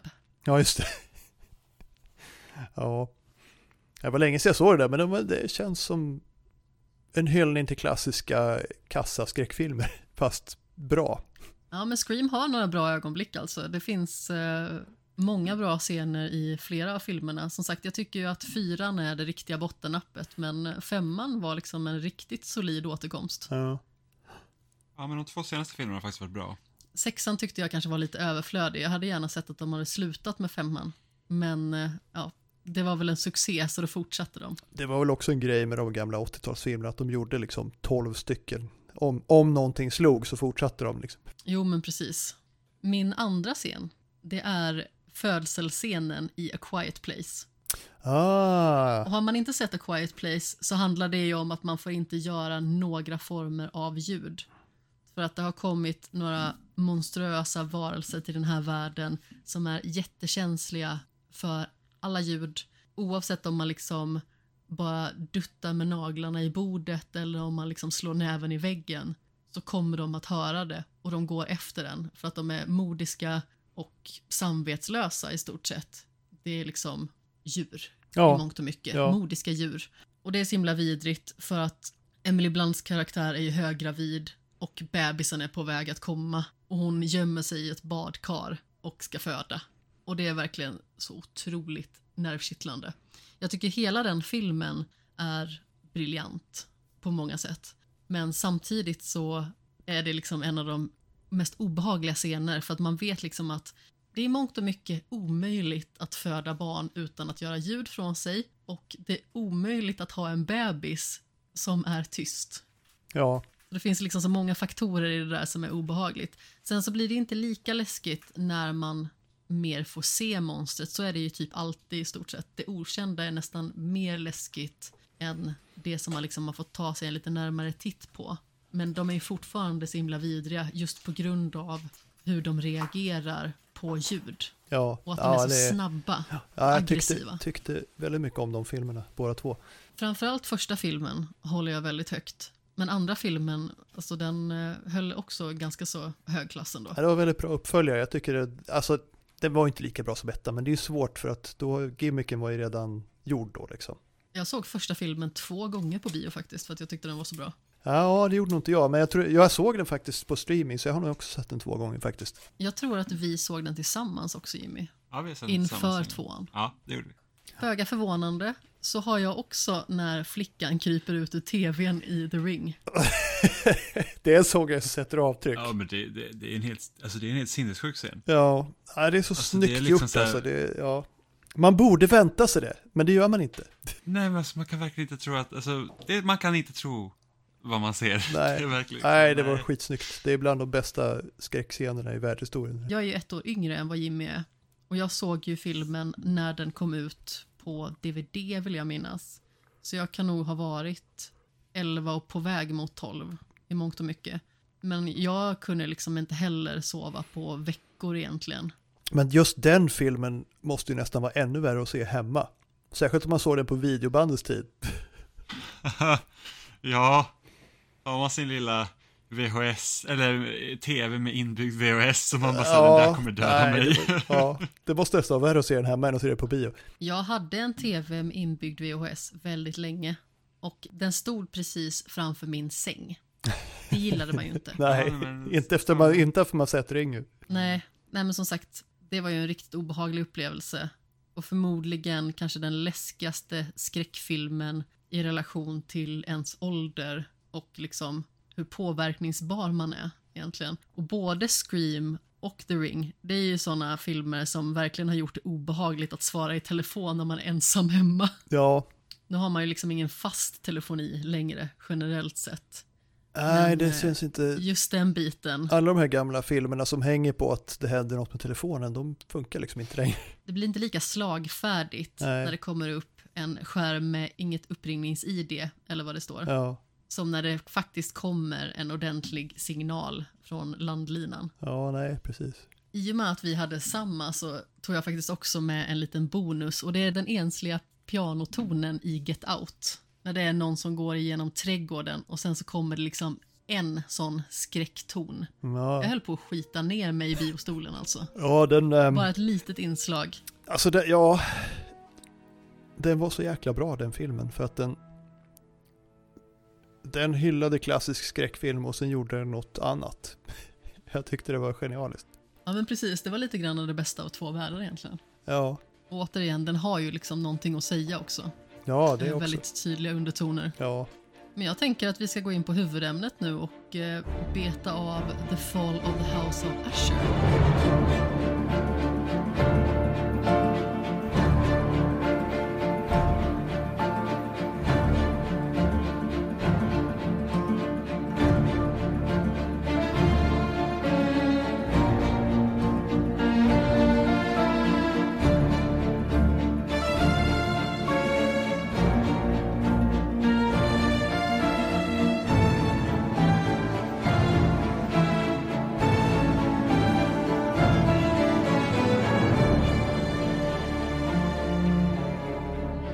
Tänker jag, i och med att jag har babblat på så himla mycket så ger jag dig den stora äran Mats att förklara vad den här serien handlar om egentligen. oj, ja vad handlar den om? Ehm, ja, alltså The Fall of the House of Usher är ju en...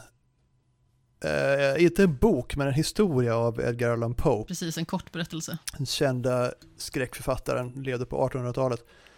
Eh, originalberättelsen handlar om två syskon. Berättaren kommer till huset där de bor och eh, obehagliga saker händer. Alla dör, huset rämnar och sjunker ner i en sjö. Och det händer ju typ i den här serien också, men det här är ju en moderniserad och kraftigt reviderad version av den historien kan man väl säga. Jo men precis. Han skrev ju, eller publicerade i alla fall den här berättelsen typ 1830. Ja, något sånt. Eh, jag har inte den sidan framför mig, men, men eh, den här utspelar sig då 2023, mitten av november tror jag. Eh, och 1980, men det är lite tillbakablickar dit. Men jag har hört den jämföras med Succession som inte jag har sett. Men att man blandar Succession med skräck typ. Det kan jag absolut se med tanke på liksom den skruvade familjen som man får följa i Succession och deras extrema maktbegär. Ja, och det här är ju en skruvad, eller ja, som min flickvän sa då, det, det är en bra historia om hemska människor. Eh, och som jag la till, och deras välförtjänta död. För det, det får man, ja, utom en då som det är synd om. Eh, men det får man ju veta väldigt tidigt i första avsnittet att liksom alla dör. Och det är ingen överraskning heller om man vet vad originalhistorien handlar om, men, men liksom alla dör och sen handlar historien om hur och slutligen varför. Det tar ju väldigt lång tid innan man kommer fram till exakt varför.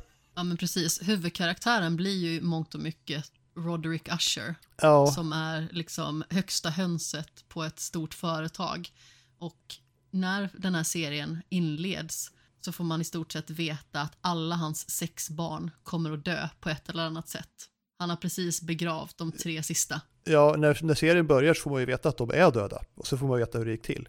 Ja men precis. Eh, och han, det finns ju en ramberättelse som väl egentligen är ganska nära baserad på eh, The Fall of the House of Usher, alltså originalhistorien. Han kallar ju till sig en åklagare som har varit efter honom i alla år, eh, som heter C. Auguste Dupin. Och, och det var ju en Poe-karaktär som var typ eh, Poirot eller Sherlock Holmes, fast i Poes tappning då. En, en supersmart detektiv liksom. Eh, Men här, här är han åklagare och är efter Roderick Usher. Eh, Och ehm, han kallas till hans gamla hus och Roderick berättar liksom vad som har hänt. Och under tiden så hör man märkliga ljud från källaren som han säger är hans syster Madeline. Och telefonen plingar hela tiden och han säger att det är hans, eh, vad heter det, sondotter Lenore. Men han vägrar svara på hennes eh, textmeddelande då. Det är ramberättelse, sen är varje liten berättelse om hur en viss, ett visst barn dog är ju i sig baserat på olika Poe-historier. Kan man säga. Ett avsnitt är baserat på eh, The Telltale Heart, det heter till och med det. Eh, avsnitten heter ju, har ju namn efter Poes berättelser. Eh, och det handlar om någon som eh, håller på med hjärtkirurgi, men annars följer ju den historien ganska nära att liksom hon försöker dölja ett mord, men tickande hjärtat förråder henne liksom. Ja, det finns ju väldigt många homager liksom i den här serien Ja, till Edgar Allan Poes olika verk och så även liksom när det gäller poesi och liknande. ja det är väldigt mycket av hans dikter eh, är ju med här. Eh, och det är ju, jag skulle säga att hela historien är ju ny, men den blandar ju ihop nästan hela hans livsverk liksom till, till ett stort epos på något sätt. Ja, jag tycker faktiskt att den är otroligt spännande sammansatt på alla sätt och vis. Ja, Mike Flanagan har faktiskt otroligt bra fingertoppskänsla när det gäller skräckserier. Som sagt, det är väl egentligen Midnight Club som vi pratade om i fjol som kanske inte riktigt var i samma klass som de andra. nej jag måste ju säga, eh, jag såg ju Midnight Mass först när jag skulle vara med och prata om den. Tyckte det var skitbra. Precis. Sen såg jag Midnight Club, tyckte inte det var skitbra. Det, och därför var jag ju lite skeptisk inför det här, men jag måste säga efter första avsnittet så var jag helt fast. Vi var bara tvungna att sitta och titta igenom det här på typ en vecka. Eller ja, tre dagar. Jag får bli rättad här. Det stämmer, vi såg igen det på tre dagar för att det gick inte att sluta. Liksom. Nej men alltså, vi är ju sådana att vi väldigt sällan sitter och sträckkollar serier. För att vi kollar oftast när vi äter till exempel. Så på helgen då har vi kanske ett avsnitt till frukost, ett till lunch och ett till middag. Och så kollar vi på vardagskvällarna också. Ja. Men just den här serien, där kände vi flera gånger att man måste ju få se lite till. För att det är för spännande för att släppa taget. Även att man vet att alla de här barnen kommer att dö på olika vis. Så var det liksom svårt att släppa taget om den. ja, man vet ju inte hur det kommer att hända och man vet ju inte varför. Ja, men precis. Man vill ju veta vad mysteriet är. Och den är uppbyggd på det sättet att det är ett introduktionsavsnitt och sen är det sex stycken avsnitt, varje dedikerat åt respektive barn. och mest fokus liksom på det barnet som då ska vika hädan så att säga. Och sen så är det ett avsnitt som liksom knyter samman alltihop så att man får veta vad det egentligen är som har hänt. Ja, ja det är skitsnyggt gjort. Det, det är det. Ehm, och det är liksom, jag har sett folk som har vissa problem med att han har döpt det till Fall of the House of Usher eftersom det ju inte är den historien. Det har ju gjorts adaptioner av den. Men jag har inte något direkt problem med det. Jag tycker mer att det, det här är liksom en enormt kärleksfull hyllning till hela Edgar Allan Poes liv på något sätt. Ja men precis. Och sen så har han liksom gjort sin egen variant av den undergången så att säga. Ja, precis. Och det är så många små detaljer som bara liksom, om man har läst en massa Poe så känner man igen dem. Som att eh, eh, Lenore kallar Roderick för Grampus. Eh, istället för eh, Grandpa.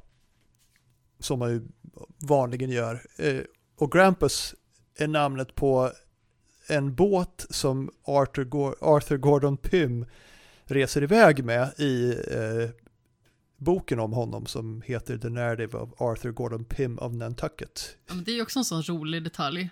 Och Arthur Pym finns ju också med i den här serien. Ja, och hans bakgrund som den beskrivs i serien är ju faktiskt boken om honom som Poe skrev. Det är väldigt imponerande hur man lyckas väva samman liksom så många olika detaljer och få det att funka så otroligt väl. Ja, jo precis. Eh, jag, får, jag får små lappar här från min, min bättre hälft. Hon påpekar att vi diskuterade det här och vi sa att den är av nördar för nördar och det är verkligen sant. Ja, men det kan man ju verkligen säga. Ja, Och sen så är det ju också så här att han har ju liksom ett gäng skådespelare som han ofta har med i sina produktioner. ja det har Jag tycker att det är så himla imponerande hur han lyckas från gång till gång att skapa karaktärer som inte känns liknande de som de porträtterat tidigare. Om vi tar Rahul Kohli till exempel, som är den här eh, kocken i Bly Manor, så är det en sett. helt annan karaktär Ja. i relation till sheriffen i Midnight Mass, Ja. eller den karaktären som han spelar här. ja, han var ju sheriffen i min... Ja, jag visste det att jag har sett det. Ja, precis. Man känner igen typ alla. Det om, man har sett, om man har sett någonting från The Flaniverse, då känner man igen folk. Ja, jo, men precis. Och sen så har vi ju eh, hon som spelar Tamerlane Usher till exempel. Hon spelar den här jätteobehagliga religiösa karaktären i Midnight I- Mass. Ja, nej, Midnight... Ja, det gör hon. Just det. Hon spelar typ samma karaktär i Midnight Club. inte, inte riktigt, men hon är obehaglig där också. Tamerlane är också ett separat verk. Ja, det är det också. Det är dikt eller historia, jag kommer inte ihåg, men det är en Poe-grej i alla fall. Eh, Men det är ju en skådis här som han aldrig använt förut. Kan det vara Mark Hamill? Ja, alltså Mark, det tog en halvtimme jag kände igen honom. Aha, ja, jag visste ju att han skulle vara med. Men han stjäl ju varenda scen han är med i. Nej, det, visst, det hade jag missat. Han snor ju varenda scen han är med i. Han är helt fantastisk som, eh, som Pym alltså.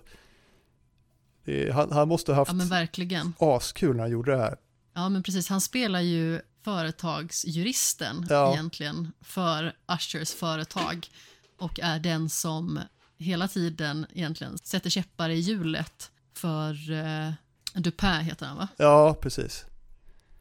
Ja, och grejen är, han är ju liksom den enda i familjen som inte är eh, medvetet ond, utan han är ju bara inget samvete överhuvudtaget.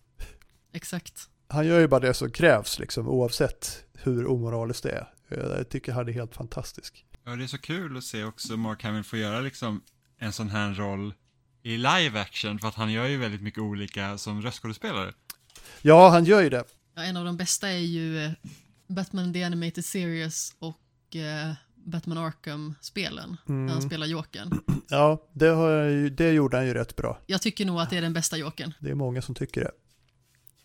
Jo, han är ju bra på bad guys, men han har inte fått spela så många på film. Nej, men precis. Man har sett honom i ganska lite känns det som. Ja. Men här är han i toppform, alltså det, det, det är subtilt liksom. Han, han gör ju inte så mycket, det, det är små gester, men det är väldigt bra. Ja, han är en väldigt återhållsam karaktär, Ja. men det han framför sätter ju ändå avtryck. Ja. Nej, det är han som snodde serien lite grann för mig. Men, eh, men alla är ju bra i princip. Ja, men ja, verkligen. Vi pratade lite här om referenser också. Jag kom på en ganska rolig referens Ja. när en av karaktärerna sitter och kollar på Netflix och så ser man Geralds Game Ja, just det. svepa förbi. Ja, Och det är ju en film som Mike Flanagan har regisserat. ja. ja, det var en del sådana grejer. Det var som när, eh, vad heter han nu igen? Napoleon, va? När, när han sitter och spelar spel, för det gör han ju. Han är ju spelutvecklare. Precis.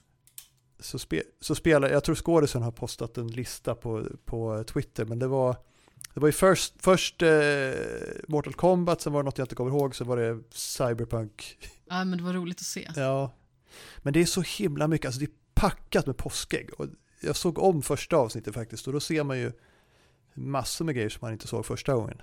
Ja, men jag kan ju tänka mig att det är mycket detaljer som dyker upp liksom när man synar det i sömmarna. Ja, så dekoren i baren där de träffar, eh, träffar henne eh, första gången. Precis, Verna. Verna ja. Eh, dekoren i baren där är ju full av po-grejer liksom. Det är korpar och det är katter och massor med sånt som inte jag såg första gången.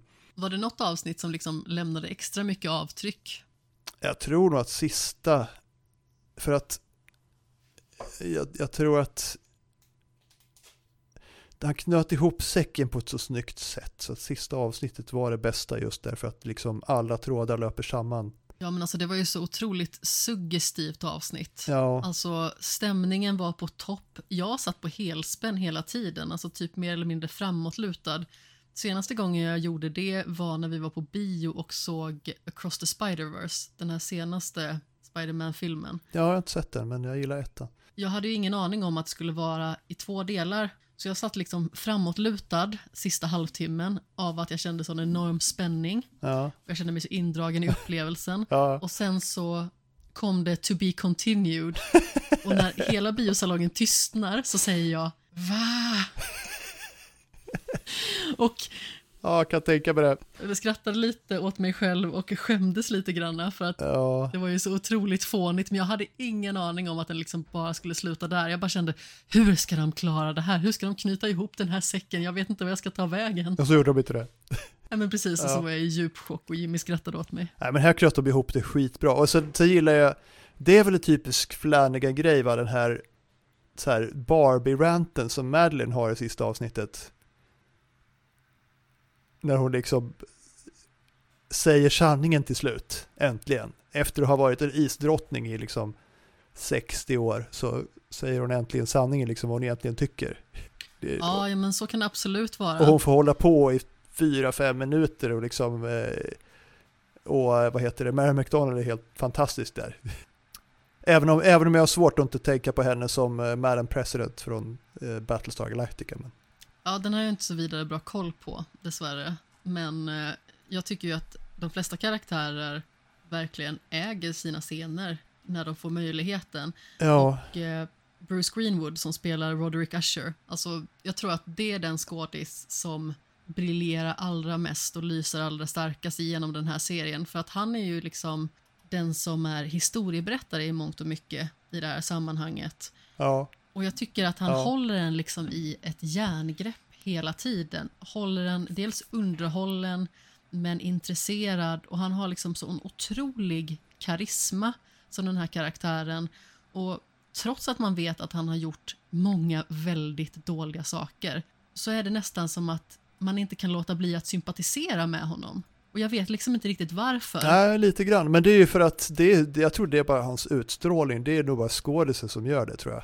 Ja men precis, och han dominerar ju verkligen Ja, alla scener som han är med i. ja, Han lyckas liksom porträttera den här mäktiga mannen med liksom sån självsäkerhet men också enorm karisma och samtidigt ge karaktären ändå någon form av värdighet. Det är väldigt lustigt liksom att man känner med karaktären trots att man vet liksom att han har gjort hemska saker och det som leder upp till att alla hans barn blir dödade och att hela hans blodslinje blir utrotad. Det är att han ja, i stort sett offrar dem. För att han tänker att han är onåbar. ja.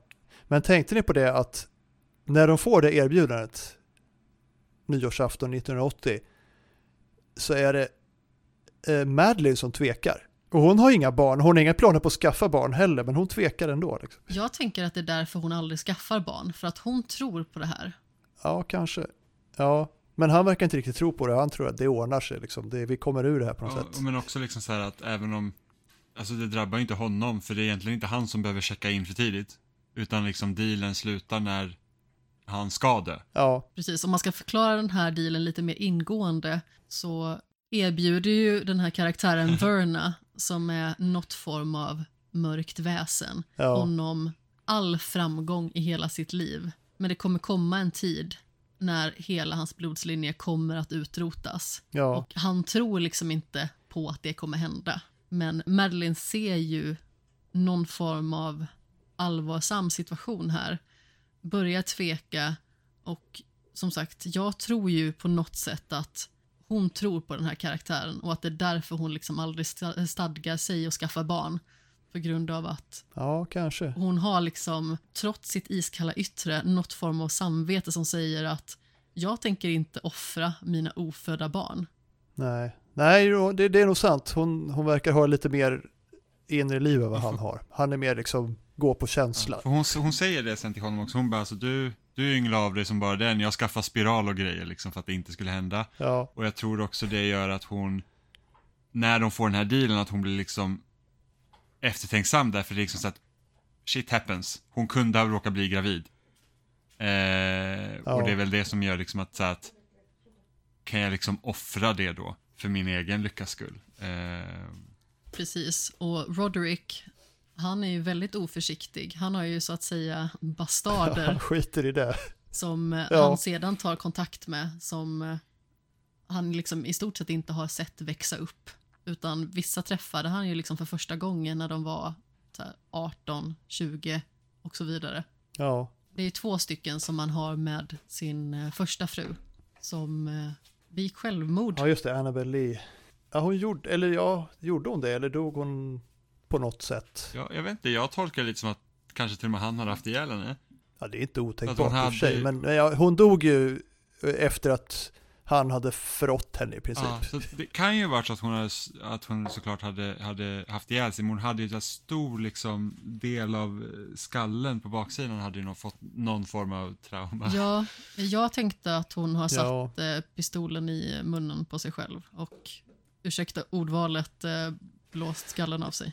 Det hade ju kunnat hända. Ja, men jag tänker mig att hon gjorde det efter att han liksom visade sig vara Ett eh, rövhål. själviskt rövhål. Liksom. Ja, Ja, men jag kan, alltså, jag tror men det. också, alltså, det kan också liksom ha hänt när han tog barnen från henne. Ja, liksom så att det kan jag det också vara. guld och gröna skogar och du får liksom, ni, ni är liksom oändliga tillgångar och ni kommer till mig. Ja, just det, men säger de inte rent av det? Eh, yes, det var liksom så han, det var så han liksom fick barnen över till sin sida då. Eh, Ja. Man fick liksom aldrig riktigt reda på, Och då, då tar hon livet av sig typ. ja, kanske. Det var liksom aldrig helt uttalat Ja. vad som hände. Nej, det insinuerades i alla fall Nej, det är att ganska- någonting hände. det är mycket som inte är, det är mycket som inte är uttalat, som till exempel eh, vem är Verna? Ja, men precis. Man får ju liksom ingen tydlig förklaring på det, men man tänker väl att hon är någon form av sån här eh, crossroad spirit. Ja, Crossroads jag tänker på Crossroads Demon och Ja. hon, och när, eh, när Roderick och Madeleine då hade ihjäl vdn för företaget de tar över, Så dök hon upp. då öppnar det liksom upp Ja. möjligheten för att, okej, men de här är liksom disruptors. Det här kan jag liksom hitta någonting. Ja, men precis. Man får ju veta att hon dyker Ja. ju bara upp hos, så att säga, dåliga människor eller sådana som har någonting mörkt på sitt samvete. De gör ju liksom efterforskningar. Ja, sådana med makt också verkar Ja, det men som. precis.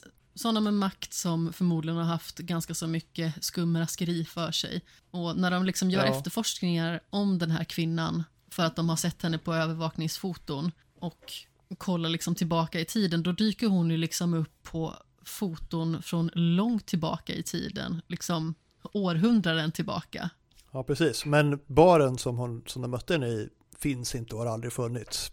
Precis. Dessutom tror jag att det var samma ställe som, eh, vad heter det, som Leo eh, köpte den där katten på.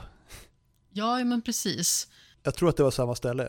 Det fanns ju något form av eh, hem för herrelösa katter som eh, han gick in och införskaffade en ny katt på. För att han i sitt sitt eh, drogade tillstånd hade haft ihjäl sin sambos katt. Mike Ja. Flanagan gillar verkligen inte katter alltså. Ja, men det är ju en Poe-grej också. Det, katter är ju, det finns ganska mycket katter i Poe. Ja men alltså ta typ Midnight Mass. Spoiler för Midnight Mass. Det- Det första avsnittet avslutas med att det ligger liksom en uppsjö döda katter på hela stranden. Ja, det är sant. Han har något emot katter. Jag satt och höll hårt i mina här hemma kan jag säga. Men här får ju han chansen, alla ungarna får ju chansen att få en lättare död på något sätt. Genom att visa att de inte är onda liksom, eller att de inte är rövhål som sin far. Eh, Och här har ju han chansen liksom, adoptera båda de här katterna. De är ett par liksom. Och han vägrar för han behöver bara en katt för att låtsas att det är hans pojkväns katt som han råkar ha ihjäl. Precis, han vill bara mörka sitt Ja. klandervärda beteende. Ja, och då får han ju en eh, ond bråd död som alla andra liksom för att de förtjänar det. De gör något för att förtjäna det. Precis. Och om vi tar eh, Victorine till exempel så jobbar hon ju med forskning och att försöka hitta ett sätt att eh, hålla hjärtat igång på ett syntetiskt vis. Men för henne spårar Ja. det också ganska så rejält i att hon mördar sin egen flickvän. Och det är ganska genomgående tema liksom för alla som dör, det är det att de, de, de kan verka liksom vänliga och snälla tills de inte får som de vill. Och då blir det liksom, då, då Ja, tar man till vilka medel som helst egentligen. ja men lite då kommer liksom Usher Mm. fram på något sätt. Den onda sidan. Ja men precis. Ut, utom, utom hos Lenore då som, som ju är hans dotterdotter, eller eh, sondotter blir det ju. Ja, och hon fick ju också den mest eh, smärtfria döden egentligen. Hon bara somnar in. Ja, hon är den enda av dem som inte är aktivt eh, ett rövhål. Nej men verkligen. Alla har ju liksom någon mörk sida till sig. Även att de vid Ja. första anblick kan verka liksom, de kan verka trevliga trots att de har uppenbara skeva sidor. Men samtliga visar ju på ett otroligt mörker. Ja, de gör det. En del visar det ju mer eller mindre från början. Som Fredrik som liksom man inser, han är ju värdelöst as hela tiden. Men några av dem tar ju lite mer tid innan det märks. Jag tyckte ju ändå det kändes med Frederick som att han verkade vara en ynkrygg bara från början. Men han spårar ju rejält när han börjar ta kokain och blir så enormt Ja. obehaglig. Ja. Nej, men jag tyckte det fanns i han från början. Det, var, det kändes liksom, det var någonting som var off där. Det var något opolitligt Bra med jobbat tofsen. av skådisen för övrigt. Ja, ja, det måste ha varit tofsen. Jag tycker det roligaste är att han är ju barnet i E.T., den lilla pojken. Va, är han? Det stämmer. Det hade jag ingen aning om. Ja, ja okej. Jag kan se det. Det var länge sedan. Ja, det var väldigt länge sedan. Nu är han 52 år gammal, Men så jag- det kanske man inte riktigt tänker på det längre. Nej, det är ju helt vansinnigt. Nej, men alltså, det...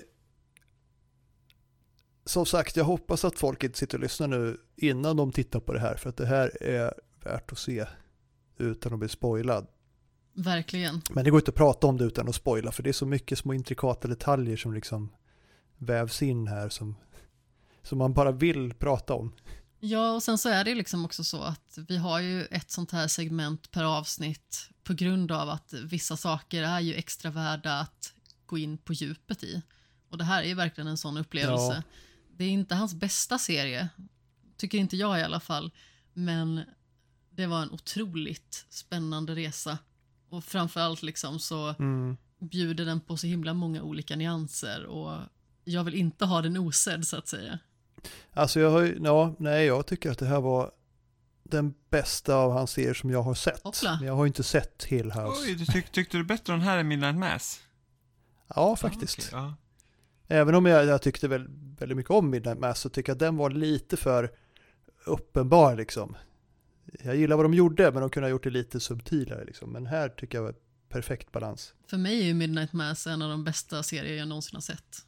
Den var bra men den var lite för förutsägbar kanske. Jag vet inte, jag brukar ju gilla när det inte är förutsägbart. Det var ju liksom någonting i hur man såg allting växa fram och hur de här Mm. religiösa fanatikerna i mångt och mycket vred och vände allting så att det skulle passa deras narrativ och hur hela den här vampyrhistorien knöts in i det på ett så otroligt mästerligt sätt. Alltså jag vet inte hur många jag rekommenderat Ja, det var ju skitsnyggt, det var det ju. den serien till. Ja, nej, Magiskt. den var jättebra. Sen slår det mig att det är en parallell till Tom, Tommy Knockers av Stephen King. Hmm. Ingen koll på. Nästan exakt samma sak händer, fast där är det aliens istället för vampyrer. Jaha. Jag har för dålig koll på min Stephen King. Ja, jag vet inte om de har gjort film på den, det har de säkert gjort och den är förmodligen dålig, men boken är bra.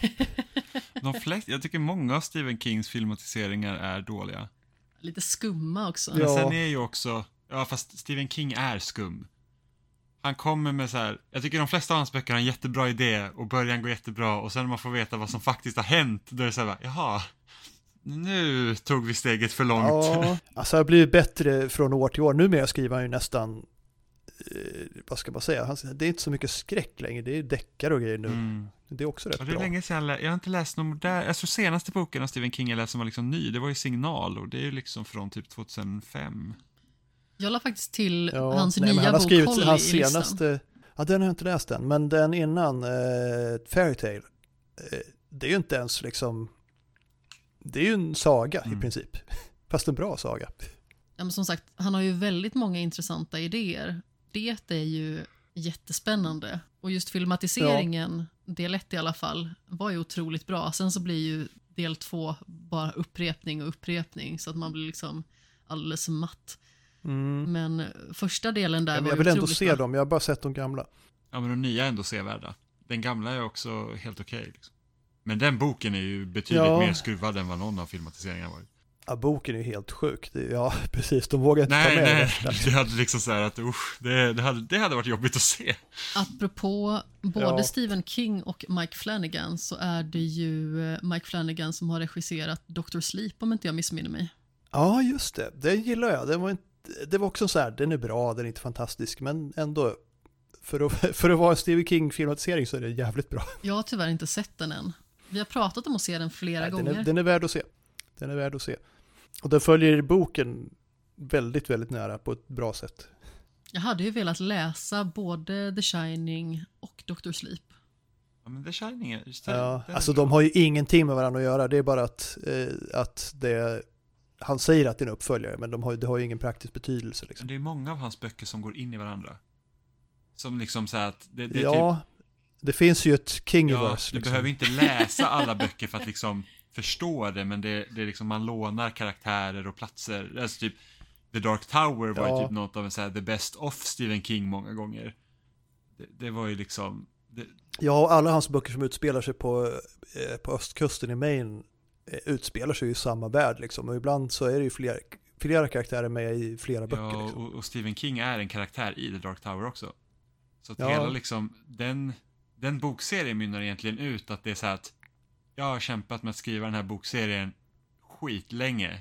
Och det är typ, jag gör upp med mig själv Vilket han har, det tog väl 30 ja, år. precis. Och det är liksom, och, och jag tror typ, när första boken var skriven och ute, så brann typ hans hus ner, så han förlorade liksom manuskriptet till uppföljaren och så skrev han om det och det tog tid och sen så ändrade han helt liksom Ja, inriktning. sen blev han överkörd av en bil. Ja, och det är en stor grej i, eh, i en av Dark Tower-böckerna. Det är liksom så att de huvudkaraktärerna ska rädda honom från att inte dö. Från den bilolyckan. Ja. Eh, ja, det är, Ja.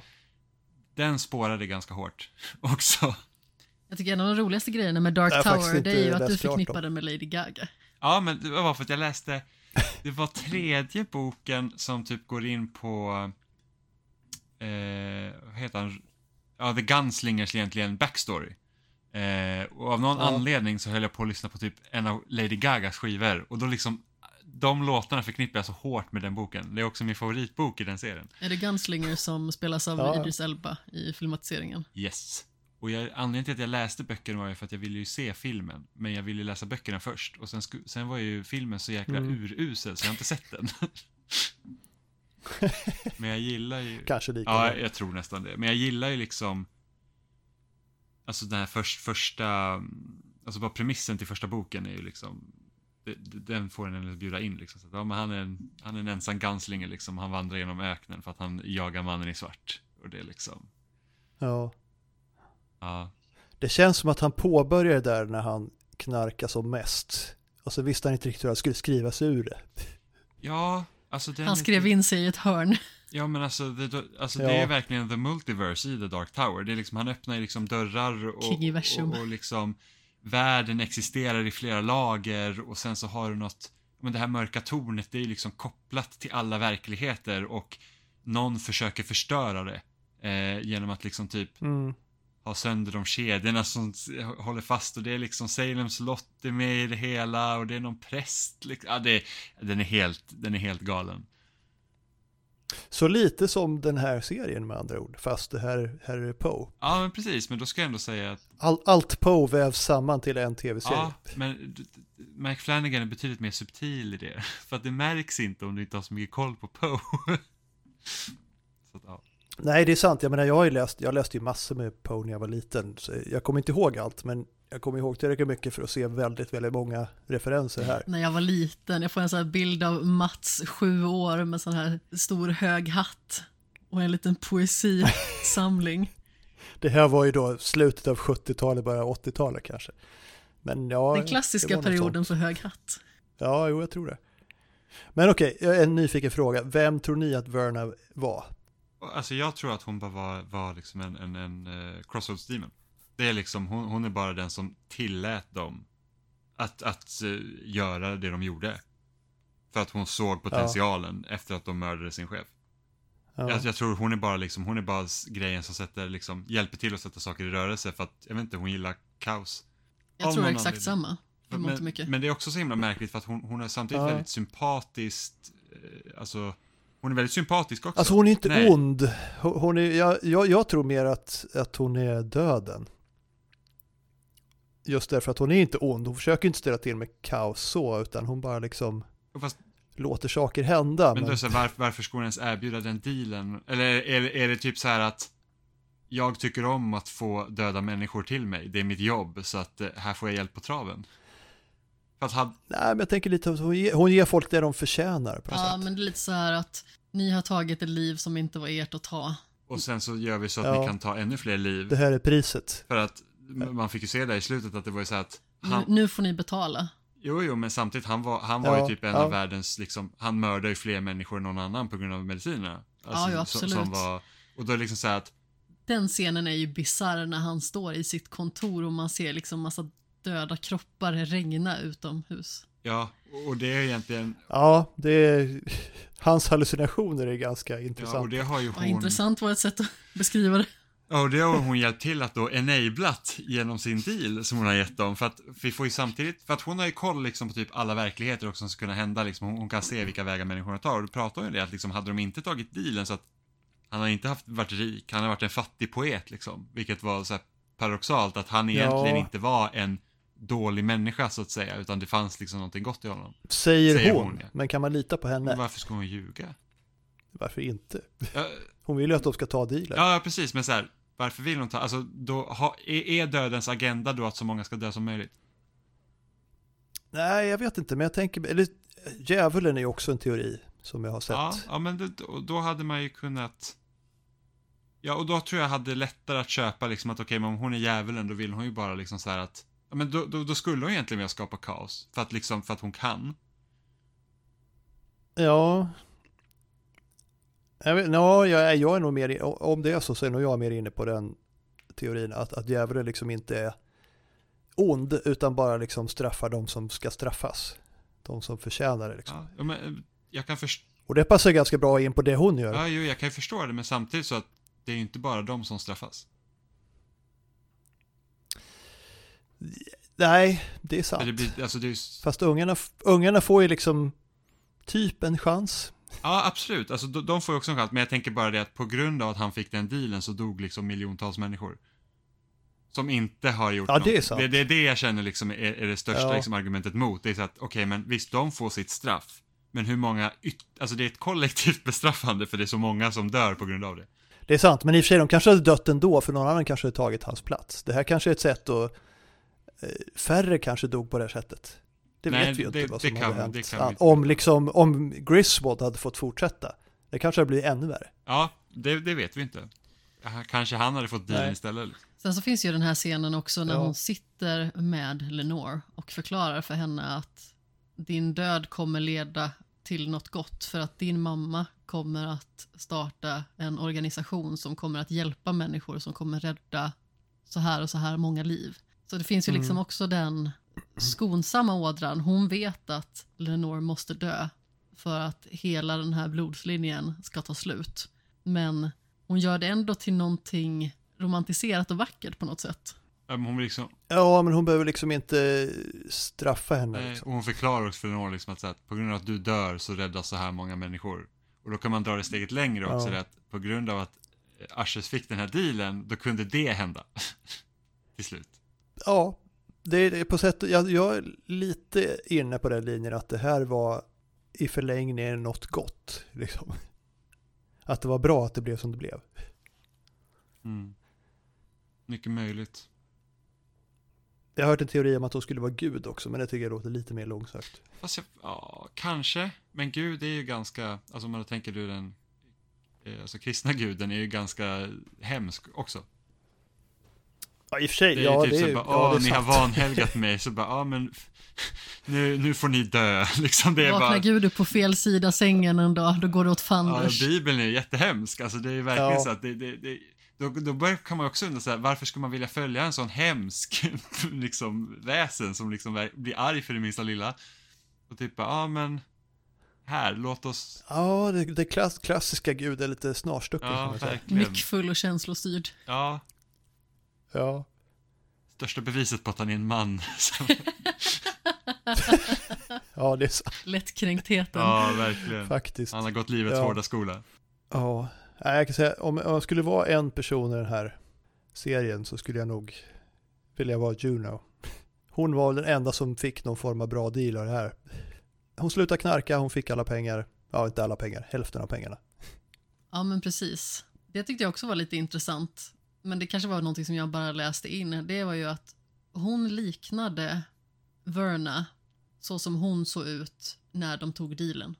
Hon hade typ samma frisyr Ha. i mångt och mycket. Och samma hårfärg. Okej, det har jag Så jag tänker att det kanske var faktiskt. någonting i hans undermedvetna som ledde honom till henne. Ja. ja, det är inte omöjligt. Fast jag tror inte att de är samma person. nej, nej, absolut inte. Utan att det kanske är någonting liksom i hans undermedvetna som, Ja, det är som mycket fick möjligt. honom att Alltså, bli det intresserad av henne.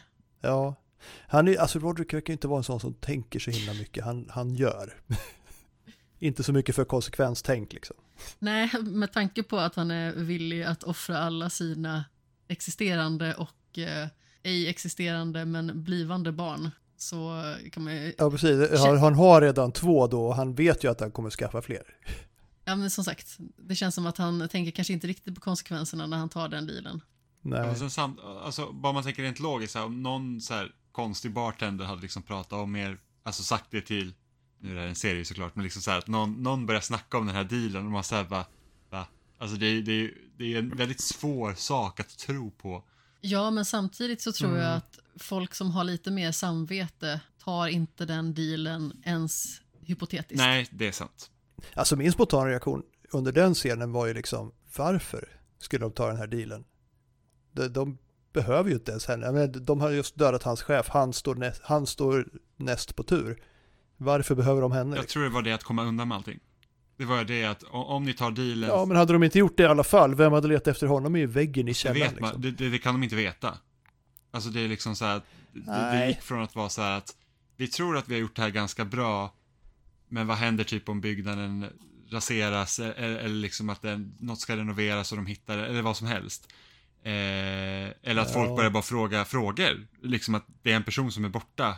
Han var på den här festen och så ska liksom gå igenom he, alltså alla som var där. Eh, och hon erbjuder dem ju faktiskt att ni kommer undan med det helt och hållet. Precis, och kommer alltid komma undan Ja. rättvisan fram tills att den dagen allting kommer tas ifrån er. Ja, Och, och sen var ju båda var ju väldigt Ja. så här liksom, alltså båda kom från, från ingenting och var väldigt liksom, hade ett ha-begär som var ganska stort. Att det blir också så här att ni kan, alltså ni, ni kommer liksom till toppen av vad ni vill ha. Ni får det ni önskar liksom. Och det- jag tror att det också var ganska, och det visar liksom på deras, liksom, vad ska man säga, själviska natur. Att de liksom, de går över lik för att få det de vill. Bokstavligen. Ja, bokstavligt talat. Men något jag aldrig fattade, det var liksom i första avsnittet när vi liksom får se hur de växer upp och sånt, att mamman liksom kom ut ur graven. Ja. Alltså vad, vad, Alltså, var, var, hur, hur förklar, var det liksom bara så att fick hon något så här adrenalinkick och bara typ slog sig igenom kistan och sen upp eller ja, det, det var liksom någonting som, hur hände det? alltså jag, tror att, jag tror att hon bara var levande begravd, för det händer i originalhistorien. Att systern, han har begravt sin syster, Ja, men hon är inte död, så hon kommer liksom upp och dödar honom. ah, okej. Och sen rasar huset ner i sjön. Det är det som händer i originalhistorien. Jag fattar.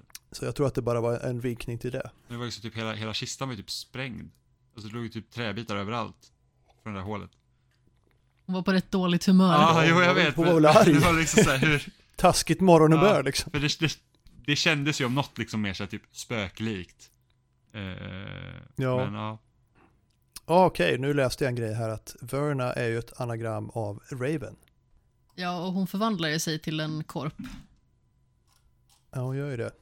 Hmm. Ja, nej, alltså det, jag gillar lite grann att man kan spekulera att de lämnar det lite vagt. Ja, men precis, att det inte behöver skrivas på näsan på något sätt. Ja, nej, man, och man vill ju inte Ja, ha om man hade liksom kommit ut i, i slutscenen med horn och en spetsig svans, det hade inte varit lika kul. Nej, nej men det, men det är så, alltså typ. Jag vet inte, har du spelat Catherine? Ja, För där är det ju liksom lite samma sak. Alltså man går igenom typ hela spelet man tänker så att okej, men så här att det är hans samvete som, som typ knackar på det är därför han upplever de här liksom mardrömmarna och de här liksom helvetesbanorna man klättrar på och sen till slut visar det sig att nej men det är djävulen som har gjort så här för att alla män är svin typ. Och det var bara Ja. så att det där hade Jo, ni inte behövt visa, alltså det hade vi bara kunnat anta. hade varit mycket bättre spel om de inte hade gjort Ja. tror jag. Men det börjar väl kanske bli lite dags att runda av. Klockan är ju ändå snart eh, 11 på kvällen.